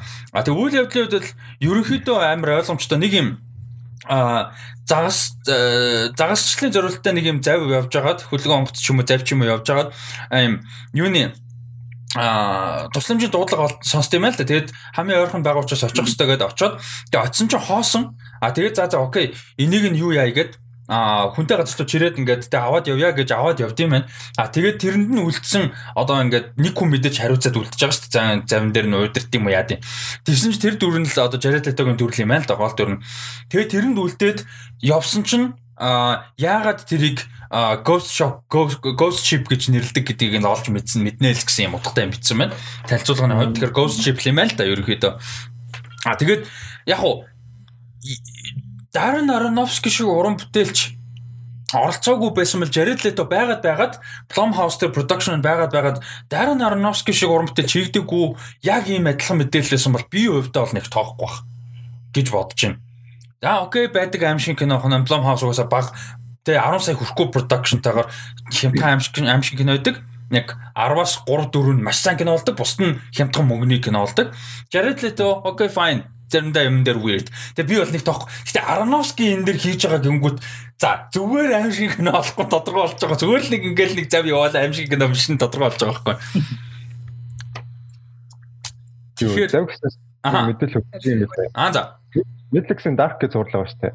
За Dark-ыг ярьж би тэр хоорондоор усыг чидрээ. Тэрний Тэрний нөгөө нэг юу одоо Great Road нь одоо ихэр нөхөр хоёр байдаг аахгүй зохиол бичдэг. Тэг үзсэн шоу Great Road. Тэр хоёр нөгөө шинэ зураг дээр ажиллаж байгаа юм байна. 1899 гэдэг. Тэрний тэр бас нэг тийм жоо хоррор төрлийн зураг юм байна. Бас тэр сайн нэг тийм даа. Унцсан юм байна. Унцсан мэдээгүй шүү. Тийм Монгол Монголтой холбоотой нэг тиймэрхүү байдал. Холбоотой тийм хоррор зураг хийж байгаа юм. Тэгээ нөгөө нэг юу Baron Bodor гэдэг нөгөө нэг зохиолны юу creator байдаг аахгүй. Тэрний Instagram дээр ороод харуул юм нь бол гарсан байл. Яг юм зураг авалтаа хийж байгаа үйл явц маа. Production дээр байж байгаа юм уунуудын зураг бол гарсан байл. Амар гоё харагдаж. Би Rust за Rust ирээд дахиад юу ячдаг. Та хэдээс нэг юм асууя гэж. Одоо ингээд гой гой цуурлууд байж тээ. Тэгээд ингээд би одоо яг нэг сизон үзчихэд тэгээд дараагийн зураг руу ороод нэг сизон үзчихэд за яг үнэхээр нэг сизон нэг хоёр хоёр сизонтэй дуусчихж байгаа бол хоёулаа ингэ шууд үргэлжлүүлж үзчихэд тэгээд дараагийнх руу ороод иймэрхүү одоо маягаар явсан дээр үт юм уу эсвэл шууд тэр дор нь одоо үргэлжлүүлээд үргэлжлүүлээд нэгийгээ дуусгачаа дараагийнх руу орсон дээр үт юм уу та хэд яаж үздэг вэ? Тэгвэл цуврал эхлүүлчихээрээ тэгэл тэр зэгтэн бүгдийг ингээл дараалуулаад үзчихсэн шүү дээ. Нэг цувралаа дуусгачаа дараагийнх нь орсон илүү дээ юм шүү. Тэгэхгүй бол ингээ нэг юм эхлүүлж Тэг хооронд нь төөрөлдөө тэгээд давхарсан юм болох үү. Тийм. Тэр угаасаа мэдээлэл мэдээллээж илүү нэг кинондаас илүү гүнзгий ордог шүү дээ. Нэг хэсэг тийм өөр мэдээлэл зэтэл хайж уншаад тэрэн дээрээ судалгаа модлоо хийж нэгээд Нян гэхдээ Нян Genesis-ийг бол өдөрт нэг анги үзээд явал зүгээр юм байна. Амар гисэн. За, нэг ярианы аа за олон цуврал ингээд яг нэг нэг сизон үзчихээ дараагийн өөр цуврал руу ороод ингээд яагаад тэгээд байгаа ихлээр нөгөө нэг нөгөө талд хүмүүс өөр одоо жишээ нь би Wanda Vision үзег байхад ингээд амар их яриа болоод би ингээд одоо шууд дундуур нь фүлкс үзчихмээр байна. Гэхдээ тэгмээргүй бас байдаг Ямар ч учиртай ойлгохгүй. Яг нь нэг сесн үдчихэж тэгэхээр хэрвээ би нэг тухайн жилд нь үдсэн бол хаштаг хүлээх байсан гэсэн нэг тийм өөртөө уурамж итгэл өгөө шүү дараагийнх руу орчиж байгаа байхгүй. Уул нь ямар уул нь яг ийм weekly одоо энэ WandaVision тэр ер нь Disney Mandalorian энэ төр те эдгээр чи weekly гараад байгаа гоё юм уул нь тэр байхгүй яг ингээд гоё яриа өрнөх боломжтой гоё. Тэгэд зөвхөн үзээс гадна одоо pop culture гоё юм чинь бид нар хүлээлт хүртэл гоё шүү дээ. Юу болох вэ? Яг бол энэ нь юм байсан, юм байсан таамаглах гоё хоорондоо ярилцах те. Энэ тэр. Тэгээ тэр өөрөө experience одоо Game of Thrones тэр дэлхийн нийтээр тэрийг амар том мэдэрсэн шүү дээ. Week to week хүлээдэг. Тэгээ тэр амар гоё болохоор ялангуяа ийм одоо сайн цуврал юмнууд хэрвээ боломж нь байдаг бол уулын тухайн үед нь to week үзээ бол амар гоё. Ер нь яг мэдээж бүгдийг тэгж чадахгүй л дээ obviously. Гэхдээ боломжтой үед нь боломжтой байл. Netflix-ийн солонгос драмад бол week to week-ээр орт юм билээ. Шинэ шинэ баг. Тэгээ Netflix юу яд юм бэ лээ? Тэр чинь нөгөө нэг production-аас хамаард юм шүү. Яг цэвэр өөртөө анханасаа санаачилж хийсэн юм биш бол нөгөө production-ыг хариуцж байгаа ч юм уу те юу гэдэг чинь компаниуд нь бас өөртөө давуу талтай байд юм шиг week to week гарганаа гэдэг ч юм уу те. Шийдвэр хэлээ. Тийм. Одоо чинь Rick and Morty бол ордон шүү дээ. Тэгсэн мөртлөө season шинэ season гарч байхдаа яг week to week гараал ороод явж байгаас Adult Swim-ийн дараа араас нь оруулаад явд. За Аа би яриад таслаг үз. Ярьжсэн юм яснаа. Гайгүй. Нүп нүп. Аа за дараагийн мэдээлэл энэ айгу надад айгу сонирхолтой санагдаад байгаа. Samara Weaving гэж жүжигчин айгу гоё жүжигчин амар гоё гарч ирж байгаа. Ready or Not гэдэг амар гоё кинон дээр айгу гоё тоглосон. Аа би Margot Robbie андур өгдөг. Хим Margot Robbie андур дээ. Би би би. Аа тийм. Гэр кинон дээр гараад байгаа юм. Хин адилхан шүү дээ нэг Sex Education дээр тоглодог юм байна. Тийм амттай. Би Robbie байна гэсэн чинь үгүйсэн байлаа. Аа за тэгээд Samara Weaving Radio Not-ор хүмүүс сайн мэдж байгаа. А тэгээд юун дээр тоглосон. Сая сүүлд нөгөө Ryan Murphy-гийн Netflix show Hollywood гэдэг тэрэн дээр туслах төр тоглосон. Аа ийм юу байгаа жүжигчин юмхтэй одоо ер нь нилээн бас хүчтэй гарч ирж байгаа мондогч жүжигчин байна лээ. Аа тэгээд мань хүн Liz гэдэг кино тоглохоор болж байгаа мань гол дүрт нь. А энэ болохоор Elizabeth Patterson Bonaparte гэдэг эмэгтэйгийн тухай Америк эмэгтэй. А тэгэд мань хүн юу вэ гэхээр одоо бидний нэг мэддэг Наполеон Бонапарт шүү дээ алдарт. Наполеон Бонапарт хамгийн баг дүүн хамгийн биш баг дүүнэрийнх нь нэг Жером Бонапарт гэж байсан. А тэгээд Jerome Bonaparte анхны эхнэр нь юм байлаа. А хэм болохоор энэ Elizabeth Patterson гэдэг эмэгтэй Elizabeth Patterson Bonaparte гэдэг Америк эмэгтэй байсан. А тэгээд мэдээж Bonaparte Jerome угаасаа Франц хүн те. А тэгээд тухайн үед яасан бэ гэдгсэн чинь энэ хоёр болохоор тухайн үед амар хоорондоо юм passionate амар юм. Одоо бүр тэр нь алдартай relationshipтэй байсан юм л та. Хүн болгон мэддэг те. Ингээд амар юм passionate relationshipтэй тэгээд нөгөөдг нь ч айгу гоё эмэгтэй байсан юм л та. А тэгээд ийм тухайн үедээ одоо ийм амар фэшн одоо тухайд фэшн гэж одоо юу ах вэ? Гэтэ мань хөө өөрийнхөө хувцалт мовцлонд амар ач холбогдол өгдөг те. Айгүй содон хувцалж мовцлдаг анхаарал тавьдаг те. Олон хүн дунд одоо энэ light гэдэг байгаа. Олон хүн дунд ийм нийгмийн идэх амар сайтай те. Олон хүний цугларал мөглөлт юм болгон дээр явж идэг үйл ажиллагаа зохион байгуулдаг те. Ийм одоо хүмүүс дунд амар reputation сайтай эмхтэйсэн юм л та. Өөрөө. А тэгээд Jerome Bonaparte-тэй гэрлээд аа жирэмсэн болоод тэгээд юу яжсэн чинь? Буцах болсон чинь Наполеон одоо бидний мэддэг те. Наполеон хэнийг Жеромыг сал гэсэн юм байна л да нутаг хамт буцаж ирэхийг зөвшөөрөхгүйгээд нэгдүгээр дуудсан тэгээд зөвшөөрөхгүй гэд тэгээд зөвшөөрөхгүй гингүүтээ хэнийг Жером болохоор эхнэрийгээ үлдээгээд өөр улсад үлдээгээд уур Франц руу буцсан. Тэгээд буцчаад захаа мэхэ битсэн одоо хүртэл ил байд юм байна. Тэр музей зүзээд байд юм байна. Тэр Жеромын нэгтэртэй битсэн захаа. Тэгээд би чамаг тэгээд буцааж авчрахын тулд ингээ бүхнийг хийнэ мэнэ гэжсэн захаа мэгэ амар романтик зэ. Тэгээд тэгсэн чинь чадаагүй. Наполеон угаасаа obviously амар хүчтэй байгаад байгаа. Тэгээд Жером бүр сүулдэ их нэртэйг нийлж чадахгүй байсаар байгаад өөр хүнтэй гэрэлсэн юм байна. Нөгөө Наполеоны тушаалаар Францын юу ч гэнэ бас нэг гүнж мөн жимтай л нэг гэрэлсэн шүү. Тэгээ тэр нь болохоор амьдралдаа энэ хоёр хамгийн сүүлд уулзсан хугацаа гинэ. Тэгээд Наполеон амар за Европоос хөөцсөн заяа. Бүр амар гоод заяа. Энэ эмхтэйг бүр ингээ бүтэн Европоос хөөцсөн заяа. Тэгээ Европод байц суух газаргүй болонгуудаа мань хүн бүр арай гэж явж хагаад Америк руу буцсан байгаа байхгүй юу? Тэгээд үлдсэн амьдралаа Америкт өнгөрөөсөн. Тэгээд хүүхдтэйгээ жирэмсэн байсан тэгээд Англи төрчөө тэгээд Америк руу буцсан. А тэгээд Америкт үйл ер нь энэ болохоор тэр бүхний дараа юм байл үйл явдал нь. Энэ бүхний дараа дөнгөж Америкт ирснийхэн дараа Америкт болж байгаа үйл явдлыг харуулна. Тэгээ мань хүн нэг айгүй сонирхолтой ярьдаг юм нь А Америк шинэ улс болоод удаагүй байсан үе те ер нь бол те тэгсэн чинь Европ бол мэдээж old continent те хуучинтэй гэж. Тэгээ тэгсэн чинь энэ эмэгтэйг Elizabeth Patterson Bonaparte гэж эмэгтэйг одоо дэлхийн за Европын анхны Америк одоо celebrity гэж ярьдаг гинэ. Ер нь бол ам одоо Европ төв даяараа алдартай анхны Америк хүн гэж ярьдаг. Америк хүн гэж одоо Европ төв даяараа мэддэг. Бүгдээрэнд нь алдартай бүх хүн мэддэг те. Ийм эмэгтэй байсан гэж ярьдаг. Амар энержетик, амар өөрийн гэсэн дуу хоолойтой те байр суурьтай ийм мундаг эмэгтэй байсан гэж ярьд юм байна. А тэгээд нөхөртэйгөө болоод дахиж хизээж уулзах чадаагүй. Наполеоноос болоод тэгээд амар юм сонирхолтой weird мартагдсан түүх байт юм байна л да. Энэ хүний талаар аа юу яхаар болж байгаа юм байна. Аа кино хийхэр болж байгаа юм байна. Аа их тэгээд Samara Weaving аа энэ дүрт нь бол аа тоглох юм байна бас сонирхолтой гоё стори шүү дээ. Тийм ингээд нэг тийм мэдхгүй бид нар бол би бол энэ мэдээг харчаал Самара Уивэн ээ ямар кино тоглоно гинэ гэл хараад тэгэл олж мэдчихэж байгаа байхгүй нэг нэг зүгээр character яг medieval battle тэгээд яг conquer хийж байгаа юм зөв л төсөөлөлтэй. Тийм энэ болохоор тэг бас нэг амар миний энэ санзарсан юм кино урлаг pop culture media ер нь биднэрт нэг тийм мэдээл хүргээд дэдэггүй үеийг харуулж байгаа байхгүй 1700 800 он ер нь бид нэг ядууш нэг бол бүр medieval болоо явцдаг нэг бол нэгдүгээр дэ хоёрдугаар дан болоо явцдаг тэгээ яг 1700 800 одоо Victorian era Victoriaгийн өмнөх era тэ тэр үе ер нь ямар байсан? Европ ч юм уу Америк тэ э, ямар байсан гэдэг юм айгу ховор байдаг штэ тэгэхээр энэ бас яг гой таарч ийн гэж бодож байна. Тэгээд найруулагч нь болохоор найруулагч нь болохоор юм Адам Леон гэж юу байгаа юм бэ? Хүн ажиллаж байгаа юм тийм. Адам Леоны хамгийн сонирхолтой юм нь болохоор энэ юу гэж байгаа. Аа а энэ чинь Tramps гэдэг юм romance drama найруулсан юм байна. Тэгээ энэ нь одоо Netflix дээр байдаг. А Монголын Netflix-ээс үзэх боломжтой юм байна Монголоос. Tramps байлаа бид түрүүн шалгаж үзсэн. А Tramps байлаа. Тэгээ бас давгүй үнэлгээтэй юм байлаа. А тэгээд зохиолч нь одоо яг энэ киноны screenplay-г бичиж байгаа уран бүтээлч болохоор юу хийсэн бэлээ.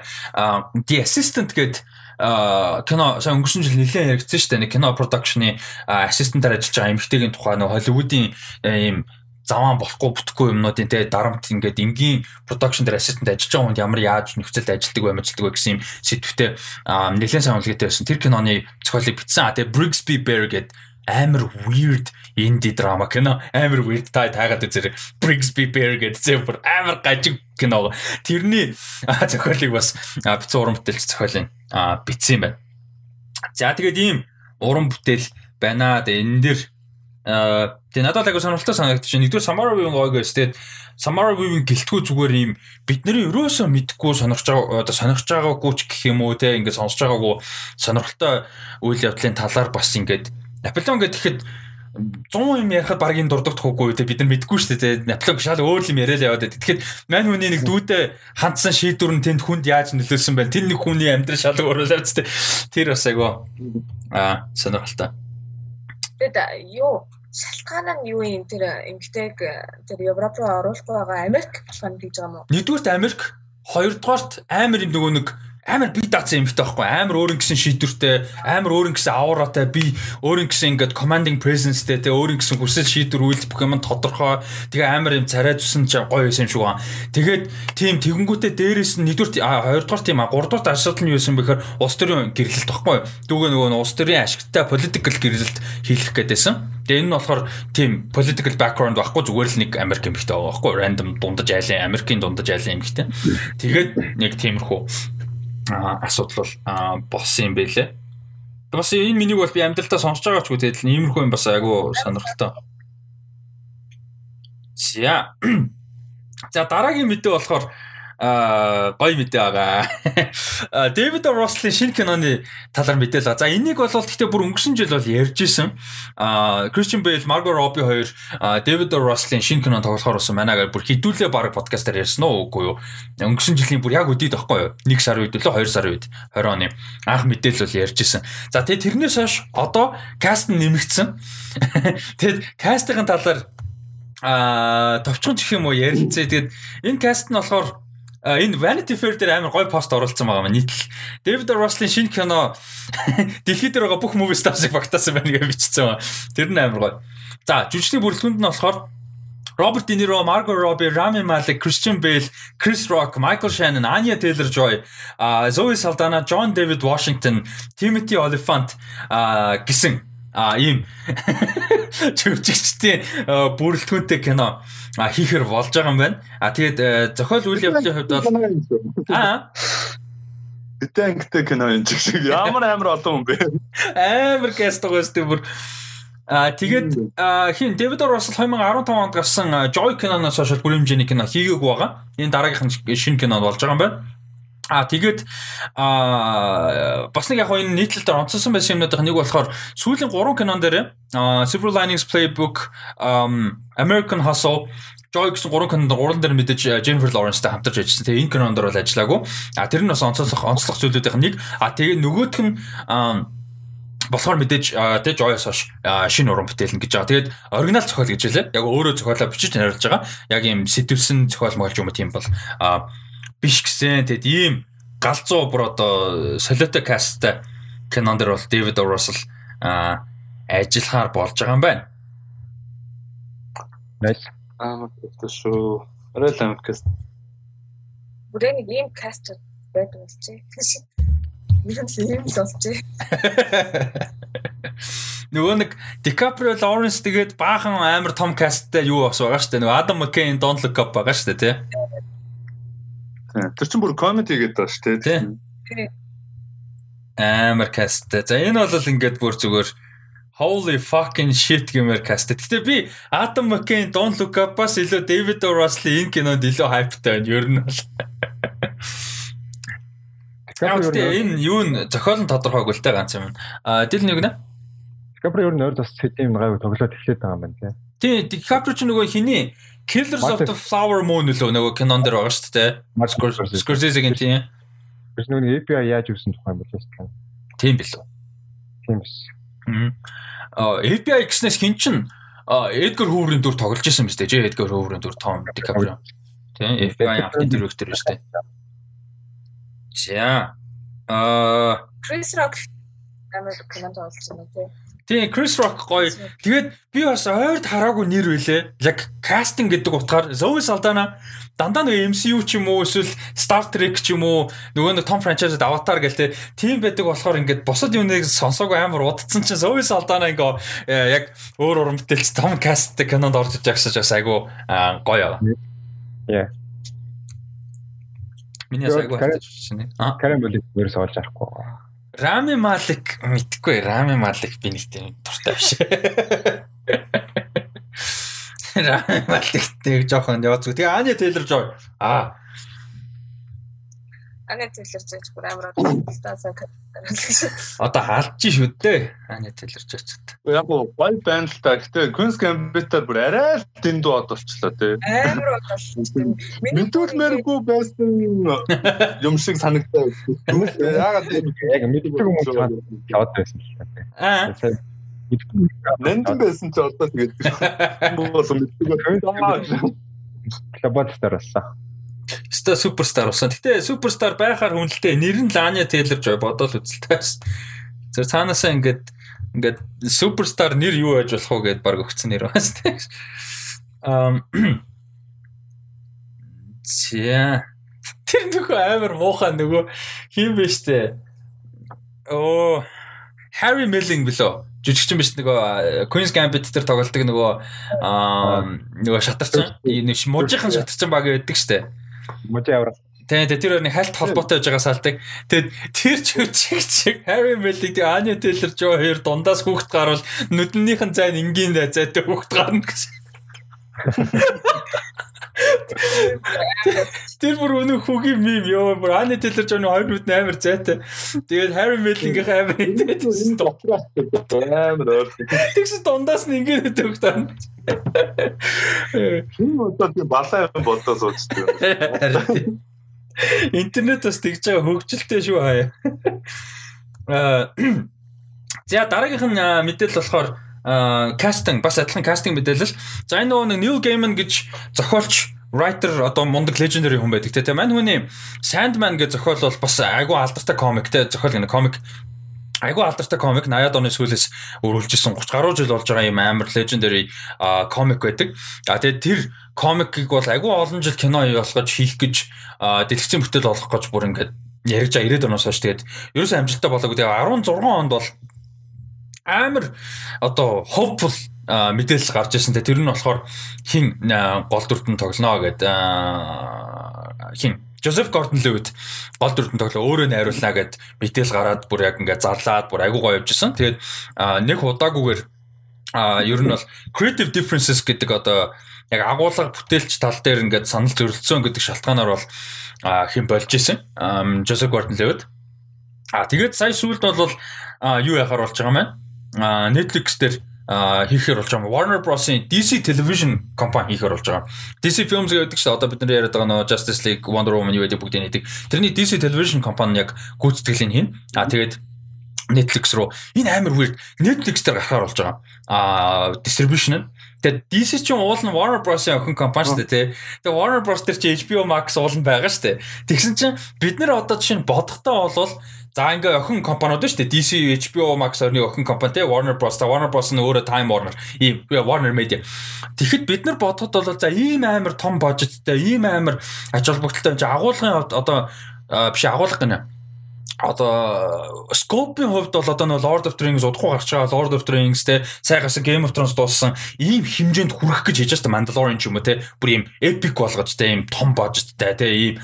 Тэгэхэд бид нар бодоход бол одоо юу гэдэг охин компани чинь байгаа юм чинь HBO Max руугаа гаргана гэж бодсон шүү дээ. Тэгсэн чинь DC Television компани Neil Gaiman энэ хэд HBO дээр санал болгосон гэж байгаа байхгүй юу? Тэгсэн чинь HBO үгүй гэсэн шиг амар weird за HBO энэ ad project чи хийхгүй биднэрт өөр том олон project-ууд байгаа.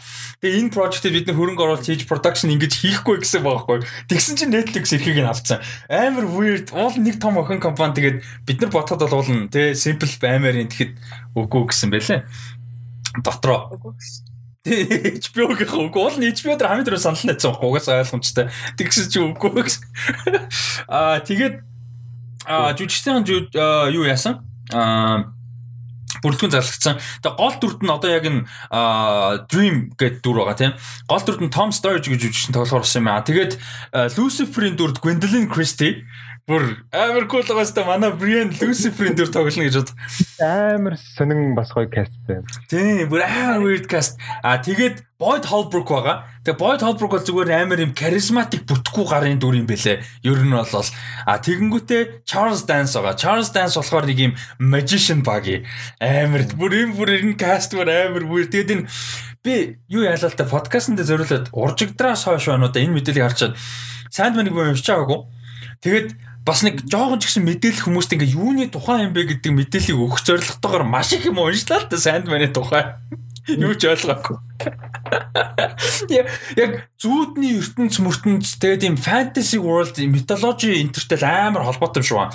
Зүудний ертөнц одоо тэр там мам те энэ дээрээ гэл юм хар дарсан зүудмүүд гэл те nightmare энэ гэл ярьж байгаа байхгүй. Тэгэл амар юм тийм epic dark fantasy юм байлээ. Зүгээр хийлж мэдхээр нь. Тэгээ Nail Game-ийнх гэхээр бас яг тиймэрхүү төрлийн юм байна.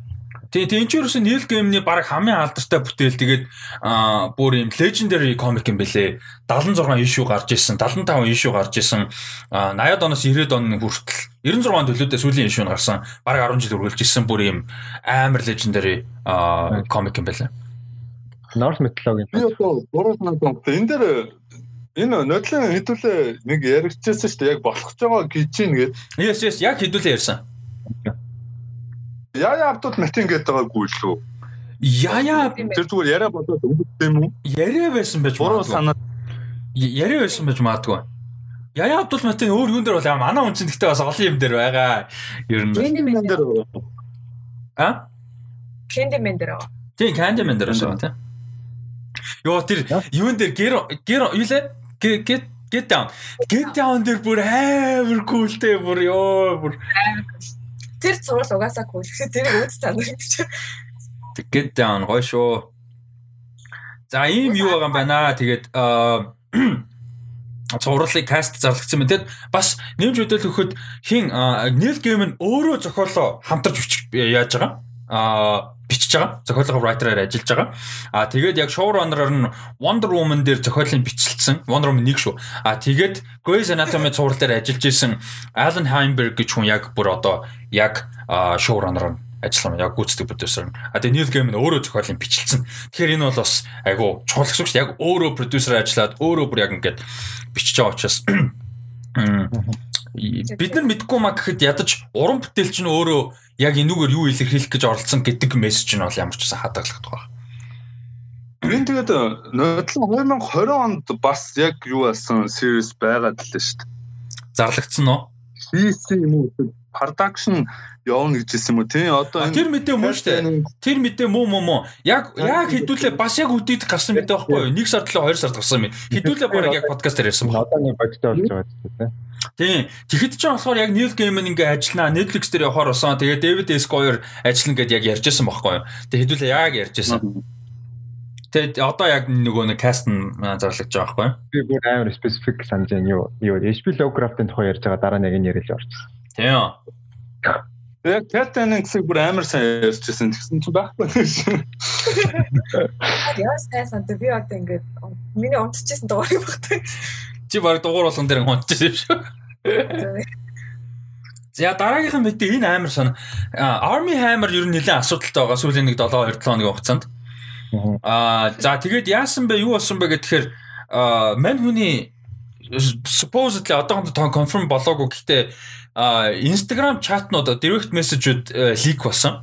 А тэгээ тэрэн дээр болохоор хүмүүстэй янз бүрийн агүй олон хүмүүстэй юм чатлсан юмнууд нь лик болсон. А тэгээ тэрэн дээр агуулга нь юу байсан бэ гэхээр нэгдүгürt амар сексуал агуулгатай. За нэгдүгээр за гэхдээ тэр нь болохгүй да биш.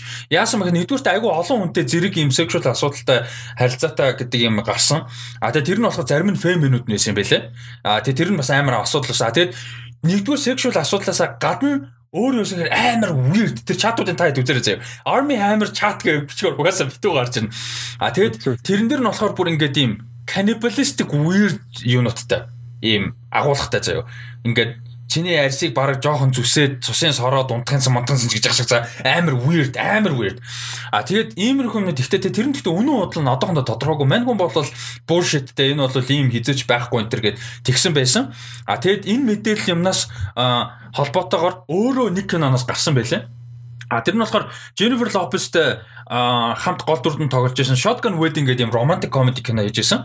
А тэгээ тэр кинондоос бол өөрөө гарсан юм байлаа. А тэгээ тэр statement-ийг би яг уншсан л та тухайн үед нь би нэг юм мэдээгүй байж байгаа уншсан. Тэгсэн чинь тэрэн дээр юу гэсэн байсан бэ гэхээр ийм bullshit интернет юмнаас болж тэгээ би ажил карьер амьдралаа алахгүй.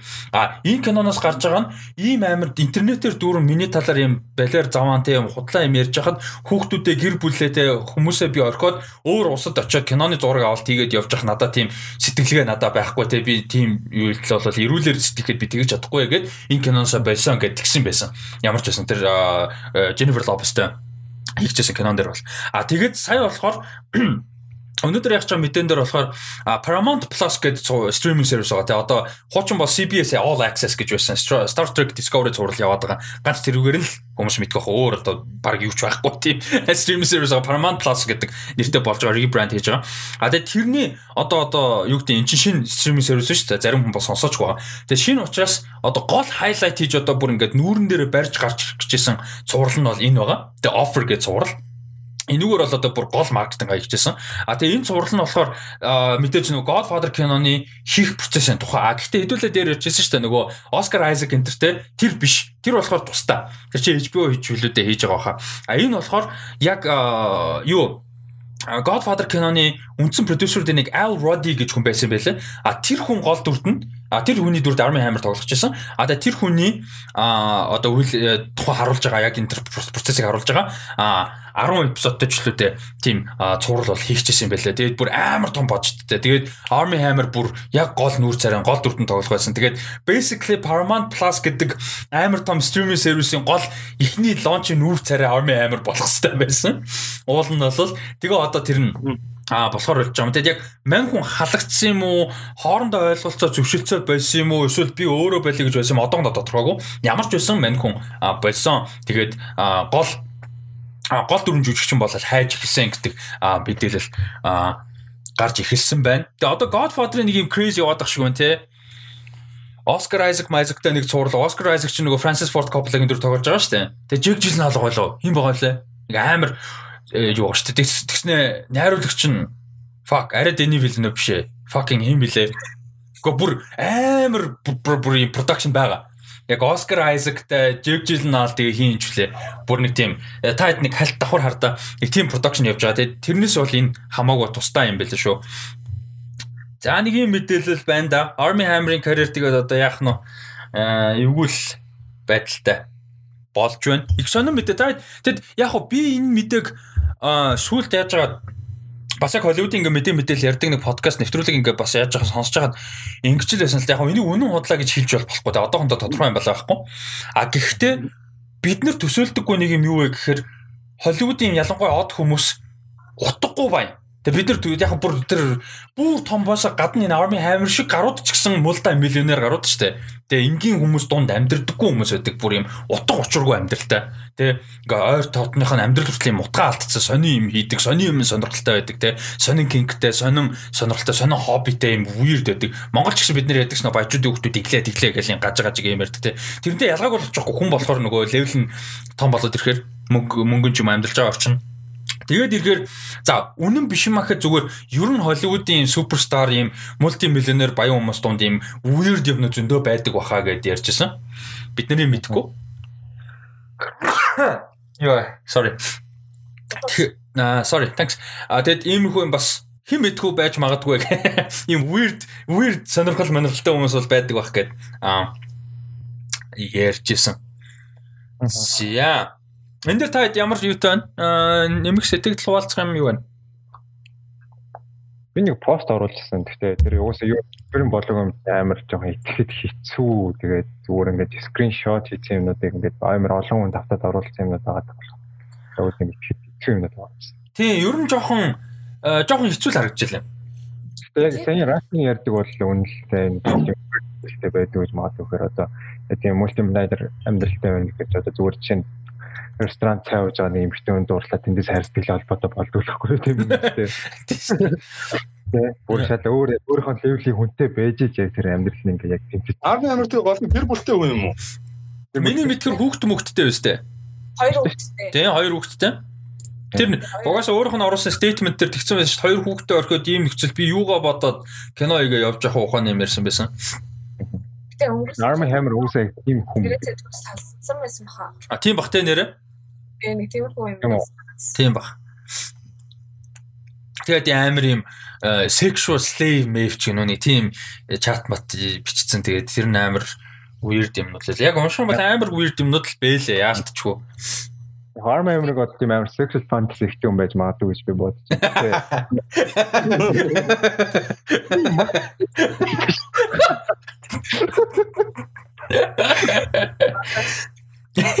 Аа тэгээ яаж чинь нэ. Гэтэ тэр лик хийсэн мессежүүд нь юу юм бэ? Нөгөө эсрэг талынх нь одоо биччихсэн хүн нь ингээд бас скриншот хийгээд тэгээ цацсан юм уу? Гэхдээ амар олон скриншотууд байла. Олон хүнтэй яасан гэдэг. Тэр чинь одоо өөрийнх нь аккаунт гэх юм уу? Яа гэх юм бэ? Яаж яг тийм not хүн дээр тийм үйл явдал тохиолдоод байгаа юм шиг. Гэхдээ нэг хүн дээр биш байхгүй юу? Army Hammer амар олон хүнтэй яасан те тэрийг нь л сэтгүүлч мэтгүүлч хүн цуглуулсан юм уу? Эсвэл одоо нэг хүн цуглуулж байгаа лик хийсэн юм уу? Нэг тийм хөл юм болсон юм шиг байлаа. Харин зүгээр 3 4 жилийн өмнөх таад байгаа байхгүй. Тийм. Ер нь айгүй олон жил үргэлжсэн л гэдэг айдиал юм байлаа л те. Зарим нас өөрөө жон дуртай явцсан мовц юм гээ. Сонир юм байлаа. За. Сэвэнт дээрс тэр нэрийг алгараагүй. За тэгээд өнөөдрийн яг мэдээлэл өгдөгтэй болоогүй групп дээр юу яасан байгаа pop culture club club group дээр пост оруулсан байгаа асуултууд илгээгээрэй гэдэг тэрийг асуултнуудад хариулна. Гэхдээ тэрнээс өмнө нэг шин булан гэх юм уу одоо юуны подкастын Оскар 4 сарын 25-нд болтол юу яана? А энэ болныг бол одоо week week to week эпизод болгон дээр апдейт хийж ярилцах юм болон байгаа. Энэ нь болохоор award season-ы одоо мэдээлэл scorecard гэх юм уу онооны одооны онооны тейбл маяг юм. Айгуу simple хувилбар. А тэгээ энийг бол 7 хоног болгон апдейт хийгээд а ярилцаад явна гэсэн юм зорилготой байгаа. Тэгээ хуучин бол юу яадаг байсан шүү дээ. 7 хоног болгоны нөгөө нэг стриминг топ листик ярддаг байсан. Тэгээ одоо бол яг энийг бол Оскар хүртэл ярих санаатай байна. За Энэ болохоор юунаас ихсэн байгаа бүр лист бол бүр 11 сарын 12-наас ерөнхийдөө ихсэн байгаа. За энэ яагаад ихсэн бэ гэхээр Gotham Awards-ын номинашнууд тухайд зарлагдсан. А Gotham Awards гэдэг 11 сарын 12-нд. А тэгээ тэрнээс хойш бол одоо энэ бүр ингээд апдейт бол байнга ороод ингээд явж байгаа. За тэгээд үндсэн төрлүүд нь болохоор шилдэг кино, Best Picture, а шилдэг найруулагч, гол дүрийн эрэгтэй жүжигчин, гол дүрийн эмэгтэй жүжигчин, туслах эрэгтэй, туслах эмэгтэй жүжигчин, шилдэг зохиол, а шилдэг зураглаач одоо зураг авалт. Тэгээд шилдэг эвлүүлэг. Тэгээд олон улсын слаш гадаад хэл дээрх кино шилдэг баримтат кино шилдэг анимашн гэсэн ийм төрлүүд дээр энэ чагсалт бол одоо 7 хоног болгон 7 хоног гинэ өдөр болгон лист нь апдейт хийгээ явж байгаа. А тэгээд А листийн юуны хувьд болохоор оноо жагсаалтын хувьд яаж явах вэ гэхээр хэрвээ тэр төрөлдөө тухайн төрөлдөө шагналыг нь одоо шилдэг гэсэн тийм шагналыг нь хэрвээ хүртсэн бол а 3 оноо. А тэгээ ямар нэг байдлаар хоёрт орсон бол хэдэ хоёрт ордог юу бол цөөхөн байдаг тийм хоёрт ордог орсон байрал авах юм бол а 2 оноо. А тэгээд зүгээр номинетэд болоод ямар нэг шагнал аваагүйгээр зүгээр номинетэд болсон бол а 1 оноо гэсэн байдлаар ингэж чагсааж байгаа юм байна. А тэгээд хэдүүлээ энийг бас ярилцаад явчих. Тэгэд юу болоод ирэхээр Oscar season яг 4 сар төхөөд ирэхээр бас хэдүүлээ кинонуудаас нь мэдээж илүү олон үзсэн байх бах сэтгэл арай өөр болох бах тийм. Одоохондоо бол үзсэн кино арай бага бах гэж бодож. Тэгтээ үзсэн дээрээ та хэд бас сэтгэлээ хуалцаад яриа авчаарай. Би зүгээр шууд листийг нь хэлье. Та хэд шууд сэтгэлээ хуалцаарай. За. За эхний төрлийг хэдүүлээд ороос нь явъя. Animated feature гэж байгаа бүр хэмжээний анимашн. За энэ дэр одоогийн байдлаар бол 6 кино байгаа. Гэхдээ зарим нь бол мэдээж obviously юм ахгүй бах. А Cruise the New Age одоохондоо 3 оноотой байж байна. За тэрнээс гадна би ерөөсө сонсоогүй маань The Wolf House гэдэг нэртэй анимашн байна. Нэг шагнал хүртсэн 6 удаа номинетэд бас одоогийн байдлаар 9 оноотой ингээд юм байгаа юм байна. Бас шагнал гардуулах хэвчүүдээс нэгнээс нь шагнал хүртсэн юм байна. Шилдэг анимашн гэдэг шагналыг. Тийм. Metacritic дээр 86 энэ бол бас айгүй өндөр үнэлгээ шүү дээ. Metacritic 86 гэдэг чи одоо бүр тийм Бас Кристтэй. Тийм шүү дээ. Metacritic чинь 80 аваад бурхан болд нь шүү дээ. Walter-ын жазлал тэр хомтой байсан. Тийм шүү дээ. Аа Metacritic-ийн нөгөө оног жазлал өстө жиг 50 нэстэй. Аа тэгээд дөрөвт нь бол одоогийн байдлаар Onward байна. 11 оноо нийтээ 11 төрөлд бол нэр дэвшсэн номинашн нэг шагнал аваагүй байгаа. За тэгээд Over the Moon гэдэг нэртэй анимашн байгаа юм байна. За нэг шагнал дээр бол 2 дугаар байранд орж исэн. Аа Netflix Netflix Netflix. Оо за за. Nice Netflix гэж шүү. За. Over the Moon. А тэгээ хоёрт нь бол Wolf Walkers а нийт 41 оноотой явж ин 8 шагналыг одоогийн байдлаар хүртсэн байна. А тэгээ нэгт нь 16 шагнал нийт хүртээд байгаа Soul байгаа юм байна. Та хэдийд а за айлалыг үдсэн байна. Тэгээд аль нь энэ оны 20 оны best animation вэ? Яг үдсэн бол ялч Soul байна да. Би Soul Wolf Walkers тэгээд Honor гурыг үдсэн. Аа. Honor дан хөөрхөн гэсэн дээ. Honor дан хөөрхөн. Хөөрхөн хөөрхөн. Тэр өөр юм уу сайн хөрхөн. Аа. Тийм үү. Юм нэг үзээ ба.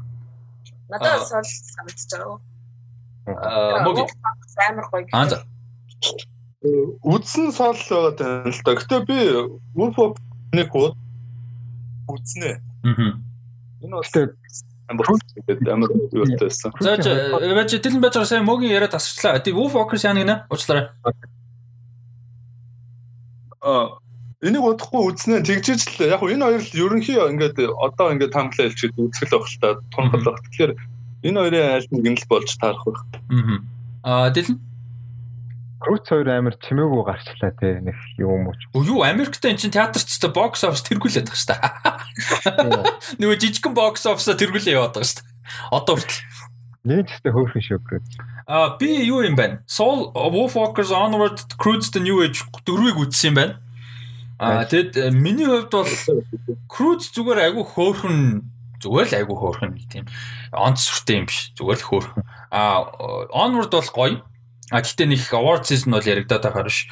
А суулыг бол award ярихад би гайхгүй. А Оскар авахд би бас гайхгүй. Гэхдээ миний хувьд favorite кинон тэгээ бүтээл нь Wolf Walkers. Миний хувьд бол 20 онд би зөөхөн кино үзсэн. Гэхдээ үзсэн нэг 60 хүрэхтэйгүйтэй кино болсон 50 кино л үзсэн байл яг 20 оны. Тэгээд тэгэхэд миний хувьд бол so far оны favorite кино бол явж Wolf Walkers байсан. Яг нь Sound of Metal-ыг тооцвол юу гэж маадгүй. Гэхдээ ер нь бол Wolf Walkers байсан. За Best animation дээр ялч popularity харж өгөөд байдаг санагдав. Ер нь тэгдэж штэ. Disney Pixar авчаад байдсан штэ. Өнгөрсөн жил Kubo Mobo where is Kubo? Where is my body? Of my body авах байсан. Тийм. I lost my body бүр галзуу те. ялч тоолхаа тавар юугаад ах ном өсөрөл. За тэгээд а баримтат кино зүгээр дурдаад явчих. Тэгээд би бол яг бүгдэрийг нь харсан л баримтат кино. Тэгээд та хэд бас сонирхон сонирхоод ингээд яваарэ. За а Painter and the Thief гэдэг баримтат кино Creep Camp байна. Disability Revolution энэ бол энэ оны бүр шилдэг бүтээлүүдийн нэг гэж маш олон зогсоолтон дээр байлаа шүү энэ Creep Camp гэдэг. Обамагийн а Мишель Обама Барак Обамагийн тэр хоёрын нөгөө нэг production company энийг producer хийсэн. А тэгээд Boys State гэдэг Apple TV Plus дээр орсон санагд чинь трейлерыг хэдүүлээ ярьжсэн баг. Collective гэдэг байна. Dick Johnson is dead гэдэг. А тэгээд Time гэсэн ийм баримтат кинонууд бол байна. Сая би эхнээс нь сүүлээс нь нэгдүгээр нэгдүгээр байрлал ярьсан. За одоо яг очил бүтэлтэй гоё хэсэг болол олон улсын кинонууд. За энэ дэр Мартин Иден байна. Өнгөрсөн жил юм дээр гарсан. Улаанбаатар улсын киностаар гарсан. За саяны коллектив байна, баримтат кино. За тэгээд Орос уран бүтээл Бин Пов энэ бүр агуу өндөр үнэлгээтэй явж байгаа. Торрент гарсан байлаа шүү. А за тэгээд түрүү нөгөө нэг хэдүүлээ ярьдаг Ла Yorona байна. Тэгээ сайн нэг гэдэг. А тэгээд Бакурао гэдэг энэ киноос айгүй их яригдчихлээ. А тэгээд Минари. За Минари бол зарим нөхцөлөөр асуултаа энэ бол Америк кино шүү дээ. Америк production, Америк уран бүтээлчдээс Америк студио хийсэн. А энэ дээр болохоор яг нөгөө киноных нь ихэнх диалог нь солонгосоор учраас гадаад хэл дээр гэдэг төрөлт зарим уур чуунууд нэр дэвшүүлж байгаа юм байна лээ. Тэр нь бас нэлээ асуудалтай асуудал болоод байгаа Америкт. А тэгээд хамгийн олон шагналыг одоогийн байдлаар хүртээд байгаа 8 шагнал шилдэг олон улсын кино шагналыг хүртээд байгаа кино бол Another Round гэх кино. Энэ болохоор Mads Mikkelsen гол дүр тоглосон. Dan кино да. Dan киноога. Энэ нэг юм ширээн дээр ингээд дөрвөн тариад суудсан байсан юутай Тийм тэр чинь нөгөө өмнө хаантын найруулагчтай хамтарсан одоо кино нэстэй тий. Тийм тэгээ нөгөө Mads Mikkelsen нэг юм ууж байгаа постертай. Тийм нэг тийм постертай. Тийм. Тэр үгэнд амар гоё харагдчихсан. Энэ стори амар гоё зэн ингээд багш нар Тэгээд сургуулийн багш нар ингээд нөгөө нэг одоо ажлын бүтээмж нэмэхэд бол ингээд цусандах алкоголын хэмжээгээ нэмүүл үйлдэлтэй байж магадгүй гэх тэрэнд тавцалаад баг ууж ихсэн байхгүй. Тэгээд тэн дээр юу болж байгаа тийм амар гоё стори байсан. Бас хөгжилтэй санаатай юу юм шүү дээ. Аа за За рекординг ам зүгээр явж байна үгүй бас нэг хэрэг хэсэг хэсэг шалгаад тахгүй аа зүгээр наа. За аа дараагийн болохоор эвлүүлэг за энийг зүгээр товчонд орчид доороос нь явж байгаа шүү. Хамгийн олон шагнал авсан хүртэл. За Mank байна. Tenet байна. I'm thinking of ending things. Invisible Man, A Trial of the Chicago 7 тэгээ нэгт нь 6 шагнал одоогийн байдлаар авчаад байгаа. А нийт 22 оноо энэ авсан байна. А Chloe Zhao-гийн Nomadland байна. Тэгээ Chloe Zhao өөрөө ивлүүлсэн юм ба штэ. Зохиолын бичээд найруулад эвлүүлээд продюсер ажилласан. Энэ одоо энэ хүн одоо Eternals хийнэ гэж толгой шүү. Альфонсо Cuarón юм биш үү. Зураг алдаа авсан бол Альфонсо Cuarón боллоо. За а зураг авалт дараагийнх нь. За 6 авалт бол бас доороос нь хамгийн олон шагнал авч хүртэл нэрж байгаа. The Five Bloods байна. Uh, News of the World байна. Tom Hanks тогсон. First Cow. За Small Axe-ийн кинонууд гэж тооцсон байна. 5 кино тавлан дээр нэг хүн ажилласан учраас. А тэгээд Tenet-ийн хоёрт маань хоёр тема. Mank. За тэгээд хамгийн олон шагнал бүр тасархаа илүү шагнал авсан байгаа. 15 шагнал одоогийн байдлаар авчаад байгаа. Nomadland байна. Joshua James Richards гэж зураглаач бол 15 шагнал одоогийн байдлаар авчаад байгаа юм байна. Дараагийнх нь бол Mank Tenet Small Axe-ийн уран бүтээлч зураглаач нь 2 2 шагнал авсан. Тэгэхээр бол Nomadland бол бүр тасархаа явж байгаа юм байна. Зураглаач төрөлд. За зохиол дээр за айгүй олон кино энэ зүгээр гэс гэс дуртай авчид дооросон дэшигээ аа за The Father энэ кино нөгөө хин тоглосон аа Anthony Hopkins тоглосон. Anthony Hopkins-ыг бас Oscar шиг гэж яригадаад байгаа. За Mank, One Night in Miami, Ma Rainey's Black Bottom, The Trial of the Chicago 7, Never Really Sometimes Always, First Cow, Minari, I'm Thinking of Ending Things гэсэн кинонууд айгүй ойрхон оноотой ерөнхийдөө ингэж агсаж байна. А тэгээ нэгт нь одоогийн байдлаар хоёр кино адилхан байна. Хоёулаа 9 шагнал авсан. Chloe Zhao, Nomadland киногоор, Emerald Fennel гэж зохиолч Promising Young Woman киногоор. Энэ хоёр кино хоёулаа 9 шагнал авчаад байгаа маань одоогийн байдлаар шилдэг зохиол төрөлд. Тэгээд дараа нь сонсоогүй кино шүү. Хоёрт орсон кино. Promising Young Woman нөгөө хин Carey Mulligan тоглосон. Тэгээд нилээн яригдаад Торонтос орсон бэл. Аа за. Агуулгын амар сонио. Амар weird кино гэсэн. Төсөл мөсгөл бөө юм болоод байгаа юм байна. Төгсгөл дээр бүр бөө маргаан болоод аа нэг нэг юм эмхтэй олон нийтийн ингээд ресторан пабуудад худлаа согтуу болж үжиглээд Тэгээд ингээд юм эрэгтэй хүмүүс янз бүр болох үгүй үгүйгээс нь хамаарж ингээд дөгшөө мөшөө авч мавал энэ төрөйгөл тийм тухай бас амар сэдвтэй тийм кино байлаа.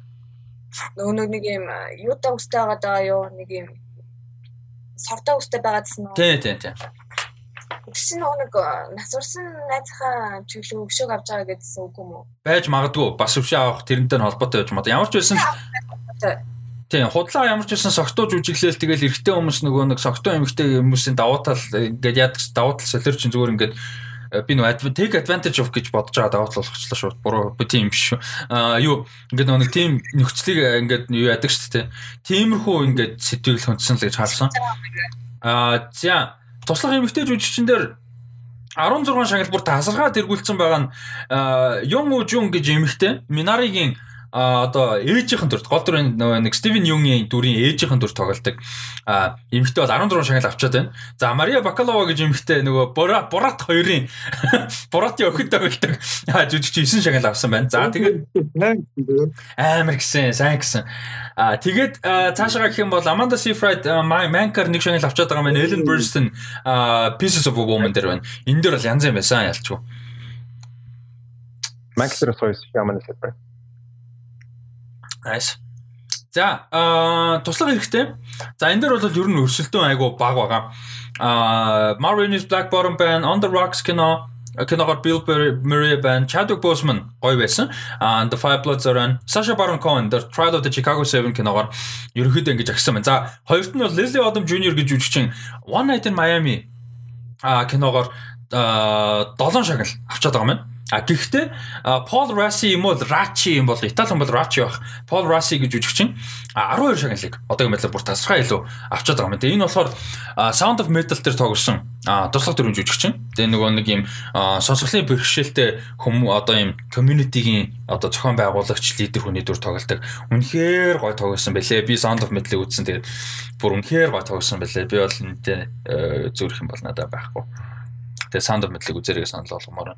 Аа За гол дүр эмхтэй жүжигчин. Jesse Buckley, I'm thinking of inventing things here байна. Vanessa Kirby, uh, Pieces of a Woman үнэхээр мундаг байсан. Энэ хоёр хоёулаа гоё байсан. А тэгээд Sydney Flanagan гэж энэ эмхтэй охин анхных нь кино Never really sometimes always кино тоглосон анхных нь кино. Тэгээ энэ кино бол энэ оны бас 20 оны хамгийн шилдэг бүтээлүүдийн нэг гэж яригадаад байгаа. Бас их хүн сэдвтэй жирэмслэлт өсвөр насныхны жирэмслэлт за тэгээ мэдээж abortion те гих мэт үр хөндөх айгүй хүн сэдвүүдийг хүндсэн драма кино. Аа тэгээд Viola Davis Ma Rainey's Black Bottom киногоор хоёр шагнал хүрсэн юм байна. За эхний байранд хоёр жүжигчин хоёулаа адилхан шагнал хүрсэн байгаа. Хоёулаа 11 шагнал хүртээд байгаа нь Carey Mulligan аа Promising Young Woman киногоор адилхан 11 шагнал. Аа Frances McDormand те Nomadland киногоор. За. Одоо ингээд award-ууд яриад ирэхээр ерөнхийдөө ямар ямар кинонуудыг үзэхэр байна вэ гэж листик гэдэг нэг гараад эхэлдэг те. За, а гол дүрм жүжигчин. За, гурван жүжигчин, дөрвөн жүжигчин дээр ер нь нэлээд нэлээд өрсөлдөөнтэй байгаа гэж хэлж болно. За, Gary Oldman бол яг ганц хоёр нэр дэвсэн байна явж байна. Steven Yeun нэг шагнал авсан авсан байна. 10 төрөл нэр дэвсэн байна. За, илүү өрсөлдөж байгаа нь Anthony Hopkins The Father киногоор энэ бас айгу хүн зүд Антони Хопкинс өөрөө одоо най гарсан юм шүү дээ. Тэгэхэд энэ кино өөрөө юу юм бэ лээ? Им нөгөө нэг деменча гэж өвчин байдаг шүү дээ. Нөгөө нэг юм санахаа болчдөг өгшрөөд ой санамж нь орж гараад байдаг. Тим өвчин тусаж байгаа хүний тухай юм лээ. Тэгээд охинтойгоо амьдэрдэг. Тэгээд тийм өвчин тусаад яг тийм өвчин тусахч байхдаа одоо тэр өвчин ихлээд удаагүй байгаа. Тэгээд тэрнтэйгээ яаж дийлэж байгаа, охинтойгоо яаж дийлэж байгаа тэрний тухайс хүн драма. Тэгээд яаж байгаа бид нар чинь Антони Хопкинс жүжигчин ямар олон жил үзлээ. Өөрөө 80 нас тэгээд айгу айгу хүнд юм юм байлаа. А тэгээд Delroy Lindo The Five Bloods киногоор 7 шагнал одоогийн байдлаар авчаад байгаа. Энэ оны хамгийн өрсөлдөөнтэй байгаа одоо категорид нэг номинашнуудын нэг энэ бол The Delroy The Five Bloods үзсэн үү? Үзсэн. Үзсэн гэж бодлоо. Яа, хин дил нь үтсэн бол мэдж байгаа бүр амар руу л энэ доо. За. Тэгээд энэ Jonathan Lawrence аваас гоё байсан. Тий. Тэгээд мань хүний тэр Delroy Lindo нэг амар монолог байгаа. Яа, Delroy Lindo галж бас. А тэгээд А нэгдүгээр онд нь хоёулаа хоёр адилхан оноотой байгаа. Гэхдээ нэг нь 9 он шагнал авсан, нэг нь 8 авсан. Тэр нь Riz Ahmed Sound of Metal киногоор нийтдээ 9 шагнал авчаад байгаа маань. Шилдэг гол дүрэн жүжигчин төрөлт. А тэгээд Chadwick Boseman Marvin's Black Bottom киногоор 8 шагнал авчаад байгаа маань. За энэ энэ төрөл болол энэ жилийн бүр ингээ хамгийн амар өрсөлдөд байгаа.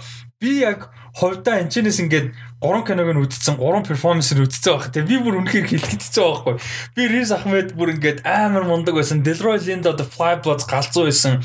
Chadwick Boseman амарс. Би бол хэнийг авахд баярлна. Бүр үнэхээр галзуу 3 перформанс. Яг уу Anthony Hopkins киног үзээгөө л байгаа л да. Minari-г бас үзээгөө. Аа. Эцэс та хэд үзсэн кино юу вэ? Sound of Metal. Um, амра Sound of Metal ямар санагдсан? Хин Riz Ahmed ямар байсан? Надад бүр амар юу биш. Sound editing гэдэг нь бүр амар байсан. Riz Ahmed бараг анх удаа яг тэгж перформансыг үзсэн баха. Оо манууд дээр сонсч байсан ч гэсэн ерөөсөө яг тэгж үзэж байгаагүй. Тэр одоо л амар гойс.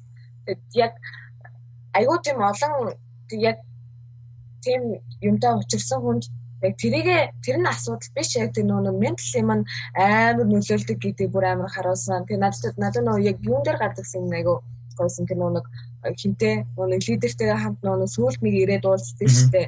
Галт хоёр ширээн дээр тэр син бүр амар эс. Тийм. Тэр хэсэг нөгөө тэр Пол Росси гэж жүжигчин Оскар аваад эсвэл нэр дэвшил яг тэр хэсгийг нь клипийг нь гаргах байх тий. Тэр бүрэ бүрэ амс. Ер нь та хоёрт санал болгоё. Sound of Metal-ыг үзээрэй гэж санал болгоо. Үнэхээр галзуу кино лээ. За мөг. Энэ цахмад амар мундаг жүжигч юм бэлээ. Би Nightcrawler үзэл яг уу тэн дээр Jack Gyllenhaal угаасаа аим шигтэй. Гэтэ тослох дүр амар гоё шүү дээ. тий Рэз Ахмад үнэхээр сайн тэрэн дээр зүгээр алд дарагдсан болохоос биш амар сайн жүжигч юм шиг. Яа яа яа. Би биний нөгөө нэг forever яриад байдаг Four Lions гэх нэг инэтмик нөө шүү дээ. Тэрэн дээр чинь Рэз Ахмад гол дүр өгдөг байхгүй 2010 онд би бүр 10 оноос хойш Рэз Ахмад гэх одоо тэгээд бүр карьер нь ингээ явж байгаад бүр Педро Паскал энэ хоёроор бүр ингээ бахаргаад Ани Тейлор Жой яг тухайд нь Witch энтрийг үзээгүй болохоор бас яг тэгэж хэлж болж зүрхлэхгүй байгаа байхгүй. Найтер Рэз Ахмед бүр яг ингээд нөгөө өөрөө байгаа юм шиг санагдсан шүү дээ. Америк гэдэг ингээд ажил төрөл олдохгүй байгаа. Үнэхээр Рэз Ахмед баг нэг иймэрхүү явж байгаа л орсон байх таа гэж боддог. Nightcrawler амар тэгэхтэй. Амар амар. Амар бил. За шилдэг найруулагч. Ямар ч өрсөлдөөнгүй юм байна уу? Sorry. Шилдэг найруулагч ямар ч амар ан юу гэдэг вүлээ climactic юм байна. Гэтэ яг гоо ярьчих. King нэг шагнал авсан байна. Тий, зүгээр босон зүгээр нэр дэвшүүл их юм байна. Ли Хайзек ч Минаригаар Spike Lee The Five Bloods, Aaron Sorkin The Trial of the Chicago 7, Emerald Fennell A Promising Young Woman, Kelly Reinhardt First Cow гэсэн кинонуудаар зөндөө нэр дэвшсэн байна. Аа тэгээд Spike Lee, Regina King хоёр бол яг хоёр шагнал авсан юм байна. А гэхдээ Chloe Zhao Nomadland киногоор 25 шагнал авчаад байгаа маань яг одоо шилдэг найруулагчиг. Тэг бүр ингээд ямар ч өрсөлдөөнгүй ерөөсөө а байгаа юм байна. Энэ First Cow-тэй бас ямар олон нэр дэвшээ те. Сайн кино бол юм байна. A24 шүү дээ. Ямар кино энэ ерөөс сонсоогүй. Трейлерыг ярьж ирсэн шүү дээ. Аа нэг амар. Шууд утгаараа баг first cop байлээ. Тэгээ шууд утгаараа тэрний community дунд нь баг үхэр байгаагүй community. Тэгээ нэг багийн ирснээ үхэртэй ирэнгүүтээ тэрнийхэн сүү тэгээ тэр үхрийнхэн үхрийнхэн сүүгээр гарч байгаа product нь зүгээр тэр community дунд баг legend болж молоо. Тэгээ бөө юм болж болж байгаа тохой. Тэндээс нь ингээд бүр ингээд social асуудал үүсэж эхэлсэн. За, шилдэг кино дараагийн 7 хоногоос ийм амар детальтай бол мэдээж ярихгүй. Гэхдээ э, эхнийх учраас за шилдэг кино төрөлд э, нэр дэвшээд нэг шагнал аваагүй кинонууд гэвэл Never Really Sometimes Always, Sound of Metal, I'm Thinking of Ending Things, Soul гэсэн кинонууд байна. А The Five Bloods, Trial of the Chicago гэх Seven гэсэн кинонууд нэг нэг шагнал хүртсэн байна. За Marvin's Black Bottom хоёр шагнал хүртсэн байна. Энэ төрөлд Minari 3, Promising Young Woman 4, The First Cow 2 юм биш үү. Тэгээд Nomadland 14. Номад Номадланд бүр ерөөсөө бүр алж байгаа юм шүү. Ална гэж байна шүү дээ. Аав нэрлээ.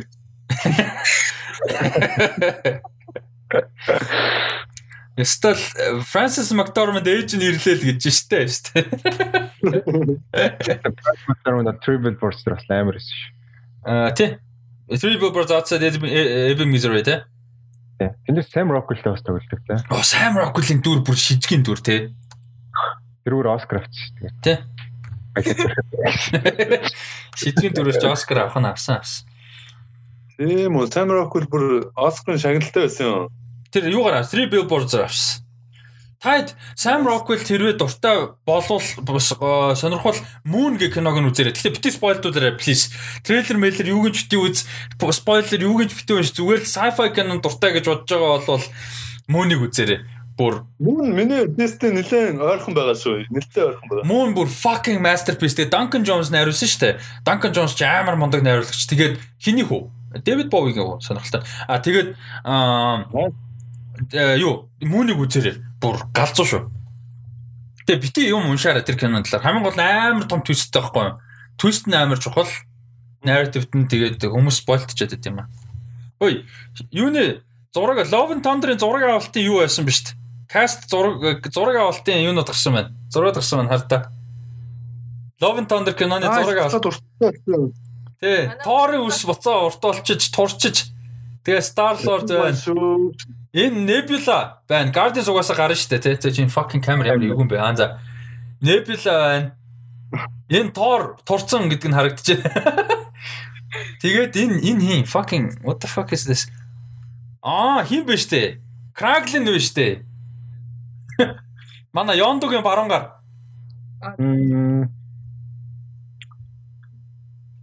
Тийм үү. Тийм, Yondo-гийн баруун гар. Яагав?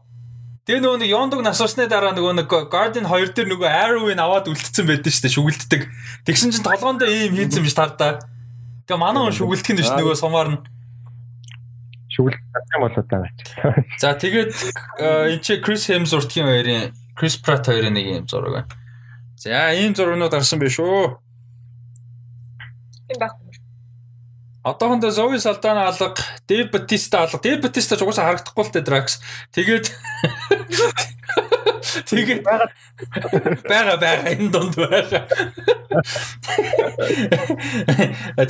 Тэгээд хим өөр чин Guardians дээр чи хин байдаг л. За яг Rocket Groot хоёр obviously угаасаа CGI character. Тэгээд энэд бол байгаа юм байна. За.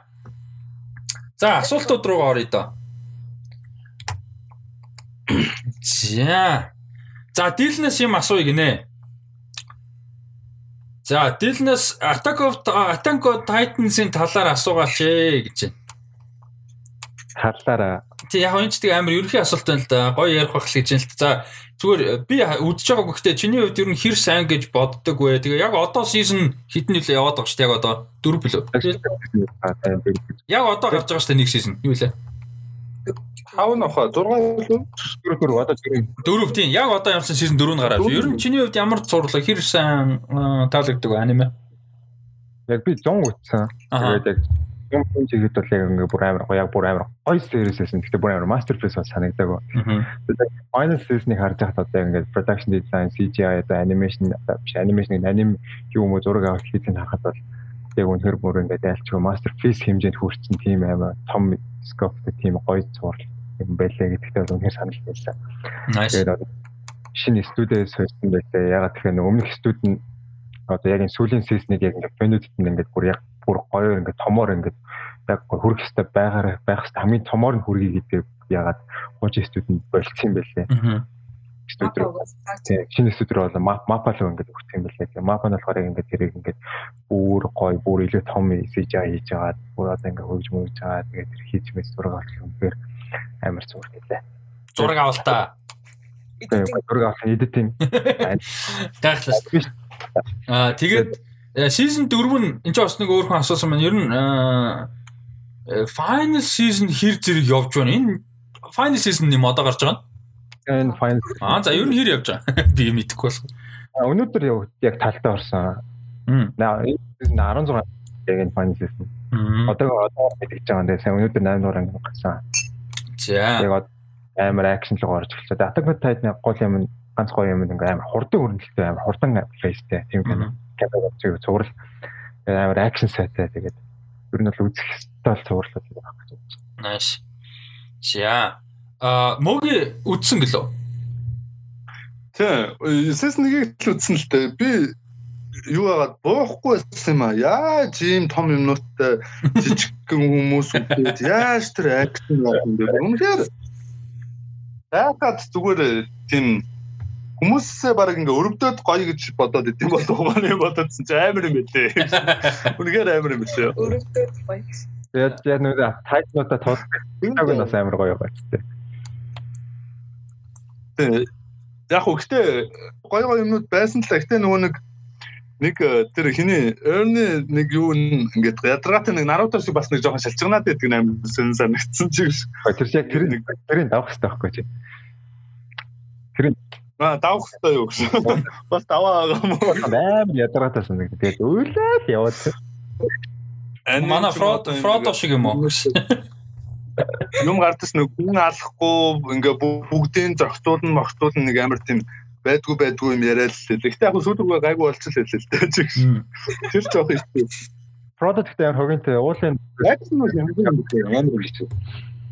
За WandaVision 3 4 ревю хүлээж байна гэж. За WandaVision-ы ревюийг дараагийн эпизод гарахаас өмнө хийнэ. Ямар ч сан дэлэн битээр ярьж байгаад хийнэ. За та хэдээс Seth Rogen-ы American Pickle-ыг үзсэн юм байна уу? Сэтгэлээ хаалцаач гэж байна. Үзсэн юм байна уу? Үзег бах тий. Уул нь үзнэ гэж бодож шим айгу хөөргөн идеатай комеди байсан шүү дээ. Seth Rogen ихэр линэд нь шүү талгын таа гэж. Тий. Аа, Seth Rogen гэхдээ би сүлд юу үзсэн шүү дээ. Аа, Up үзсэн шүү дээ. Оо, nice. Хуучны гоё кино шүү дээ.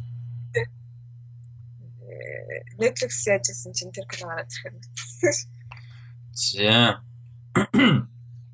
А За Attack on Titans гэсэн байна. За my man Mogi is back. Nice гинэ.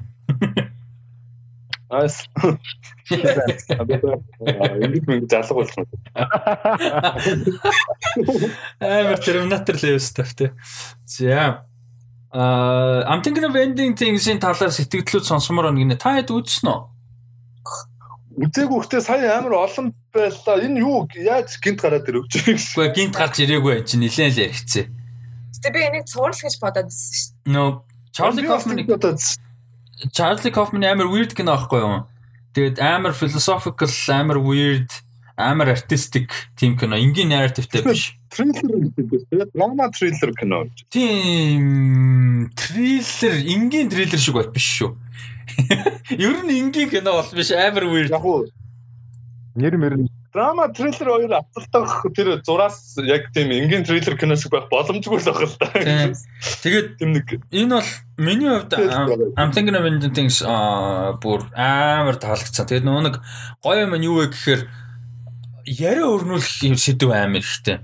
Юу нь юу байсан бэ? Ямар шин нь юуг илэрхийлж болох вэ? Тэр дүрийн юу нь одоо нэг дүрийн ч юм нөгөө дүрийнх нь юу нь ямар үйлдэл нь ямар диалог ямар хийсэн юм юуг илэрхийлж болох уу?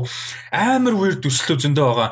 Тэр дүрслүүд нь юу юуг илэрхийлж болох уу гэдэг ч юм. Одоо чинь ингэдэг байхгүй зөв нэг юм яхаа одоо чинь Джесси Бакли гэдэг эмэгтэй байгаа шүү дээ тэгээ Джесси тэгээ нэг хин а юуны нөгөө нэг Breaking Bad-ийн нөгөө хин ч юм блэ.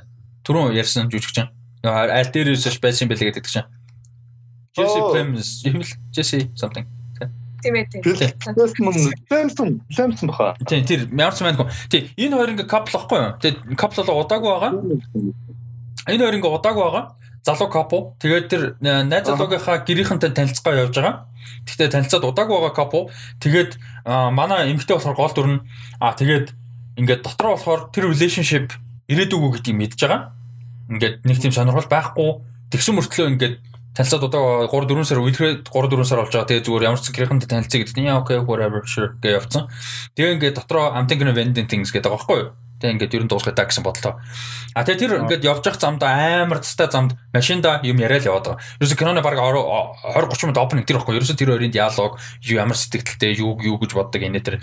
Тэгээ очоод нь Тони Колет за weird as fuck. Тони Колет угаасаа амар алан зэ. Нь үс тийм. Тэгээ очоод танилцж мэлцээ явж байгаад weird shit starts to happen заяа ихэндээ. Тэгээ тэрэн дээр weird юмнуудын нэг нь яг нэг амар спойлер болохгүй.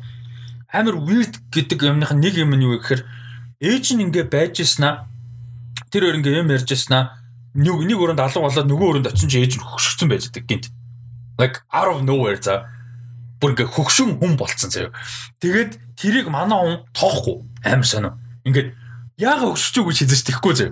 Тэгээ ингээд нөгөөт нь ингээд ээжийг асарч басраад байгаа байхгүй нөөд бүр ингээд хөгшин юм юм ингээд ор морон дээр шивтцэн. Тэгээ ингээд тэгсэн чинь би явах хэрэгтэй байна би ингээд маргааш ажилтаа гэл тэгэл байгаа байхгүй нөгөө эмхтэн. Тэгээ тэгсэн чинь нөөтэн за би одоохон би ээжтэй хоол өгч штэ. Одоохон явлаа. Гэх амар weird цаг юмнууд гинт гинт гинт болоод тэгээд гол дүр нь ерөөсөө бид нар ингээ харахад what the fuck юм болоод байгаа яга анзаарахгүй байгаа юм гэмээр. Гэхдээ ингээ явах тусмаа улам weird юм болох тусам бид нар ингээ зарим нэг юм тэр хүний толгоон дотор болоод байгаа юм шиг, зарим нь жинхнээсээ болоод байгаа юм шиг, зарим нь өөр хүний толгоонд болоод баг тэр эмгтэй жинхэн биш юм шиг. Ингээд бүр юм нөгөө нэг амар ихтэй нөгөө theory их гардаг кинонд байдаг шүү дээ. Амар онлог гараад бүр ингээд тэр нь тийм баг, энэ юм баг гэл ингээд тэгэл тэгсэн мөртлөө аль нь ч үнэн байж болохоор найруулагч нь яг ийм definitive хариу ерөөсөө өгөөгүй яг энэ ийм баггүй юу гээл төгсөлт нь бад гэж хариулдаг юм. Тийм баг байхгүй байхгүй. Тэгэхээр одоо чинь би бол та хэдтэй ингээд хамт үзмээр байхгүй. Кандер чинь үзэр гарч ирсэн бол бүр яг Amtagino ending things-ийг бүр үзэр зохион байгуулад бүр хамт бөөнөр үзээд хэдүүлээ гоо хилцүүлэг хийдэг байсан шүү дээ. Тэр нь бүр яг төгс таарах гэнэ байхгүй. Бүр бүр төгс таарн заяа бүр амар сонирхолтой яар өрнөх боломжтой. А тэгтээ энгийн кино бол ягаад ч биш. Амар weird. Сая энэ нэг масан шууд нөгөө нэг Хин Джесси Айсенберг Имэгэн Пут соёлын Wolverine шууд санаанд орчтой. Яа тэр бас амар сонирхол. Тий, тий, тий, тий. Wolverine бас амар weird штэ. Нь бодохоор бас тэр амар тийм philosophical бас тийм амар метафор ихтэй байсан юм шиг байлээ. Аа.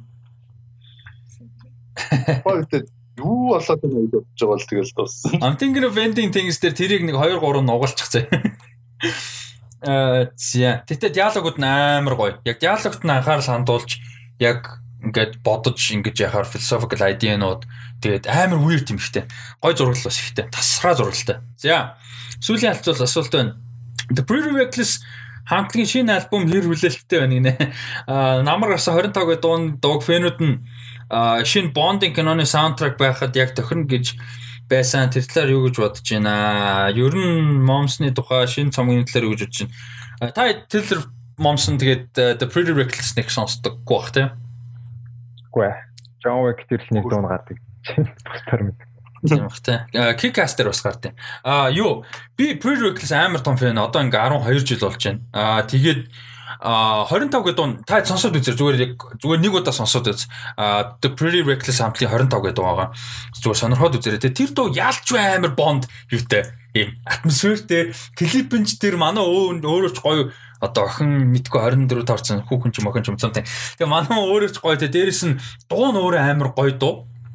Тэгээд ийм нөгөө нэг мань хүн чи амар хэцүү тийнейжер насаа өнгөрөөсөн тэгээ амар hard rock хамтын дуучин шүү дээ. Дууных нь өгөнд айгу хүнд байхгүй бүр хаа байсан 2009 оноос эхлээд чи 15 6 таа байсан. Тэгээ айгу хүнд сэдвтэй юм дуунууд болдог. Тэгээд тинейжер насаа тэгээд энэ яг юм рок хамтын дуучин болоод яг ингээд нэг од усан ч гэх юм уу тэр үеэ хүртэл давж туулахтай айгу хүнд байсан. Харт амигтэй секс юу гэдэг алкогол юмнуудын асуудал амар их байдаг те ингээд ийм амь орлох орлогч гэдэг юм уу. Ийм амар хүнд сэдвүүдээр дуулдаг өөрөө ч их юм туулсан. Тэгээд сая энэ 25 гэдэг дуу нь болохоор би өөрийгөө амьдралдаа хизэж 21 22 23 24 25 хүрнэ гэж хизэж төсөөлж байгаагүй гэсэн юм дахилттай байхгүй юу? Амар цаа бүр ерөөс. Тийм амар хүн хизэж би тэгж яг зүгээр ингээ хэлэхээр амар нурчаам шүмэртэл яг дундаар мэдээж амар гоо 21 22 23 гэл тэгээ 25 гэл тэгдэг байхгүй. Тэгээ та сонирхоод үзээрэй сонсоод үзээрэй. Аа бас дагууд. Аа Тэгээ бонд айгу бонд атмосфертэй. Тэрнтэй санал нэг байна. Аа тэгээд э, удахгүй нэг цом гарч байгаа. Аа Death by Rock and Roll гэдэг би яг хүлээлттэй байгаа. Hope it's good. 25-аас гадна өөр нэг дуу гарсан. Тэр нь амар шит байсан. Яг үнэ хэлэхэд. Тэгээд 25-ыг гой дуу. Тэгээд гайгүй цом гарсан гэж найж байгаа. А тэгээд ер нь гэх юм бол угаасаа би амар том фэн. Аа амар том фэн. Тэгээд аа yeah, hope the album is good. За за. За иймэрхүү а юу байна да. Өнөөдрийн а подкастын ерөнхийдөө мэдээлэл иймэрхүү байна. Та хэдийн хувьд дутуу оргисон юм юу байна? Сэтгэл ч юм уу эсвэл түрүү мартсан байна. Инээтрэ гэсэн нэмж хасах юм байгаа юу? Ба. Гаагүй хаа ерөнхий. За за за. Окей. За тэгээд өнөөдрийн дугаар бол энэ хүрээд ямар ч байсан а дуусч байна. Тэгээд э, Rusty Talks podcast-ийн 105 дахь дугаар байлаа. Тэгээд хамт байсан бүгдд нь баярлалаа. Сонирхолтой дугаар байсан гэж найдаж जैन тэгээд бас өнөөдрийн дугаар дээр оролцсон Моги, Амра, Дилэн гуравт баярлалаа. Тэгээд дараагийн дугааруудад бас боломжтой цаг мөч юм таарвал мэдээж always welcome.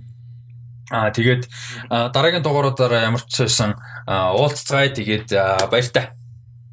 Bye.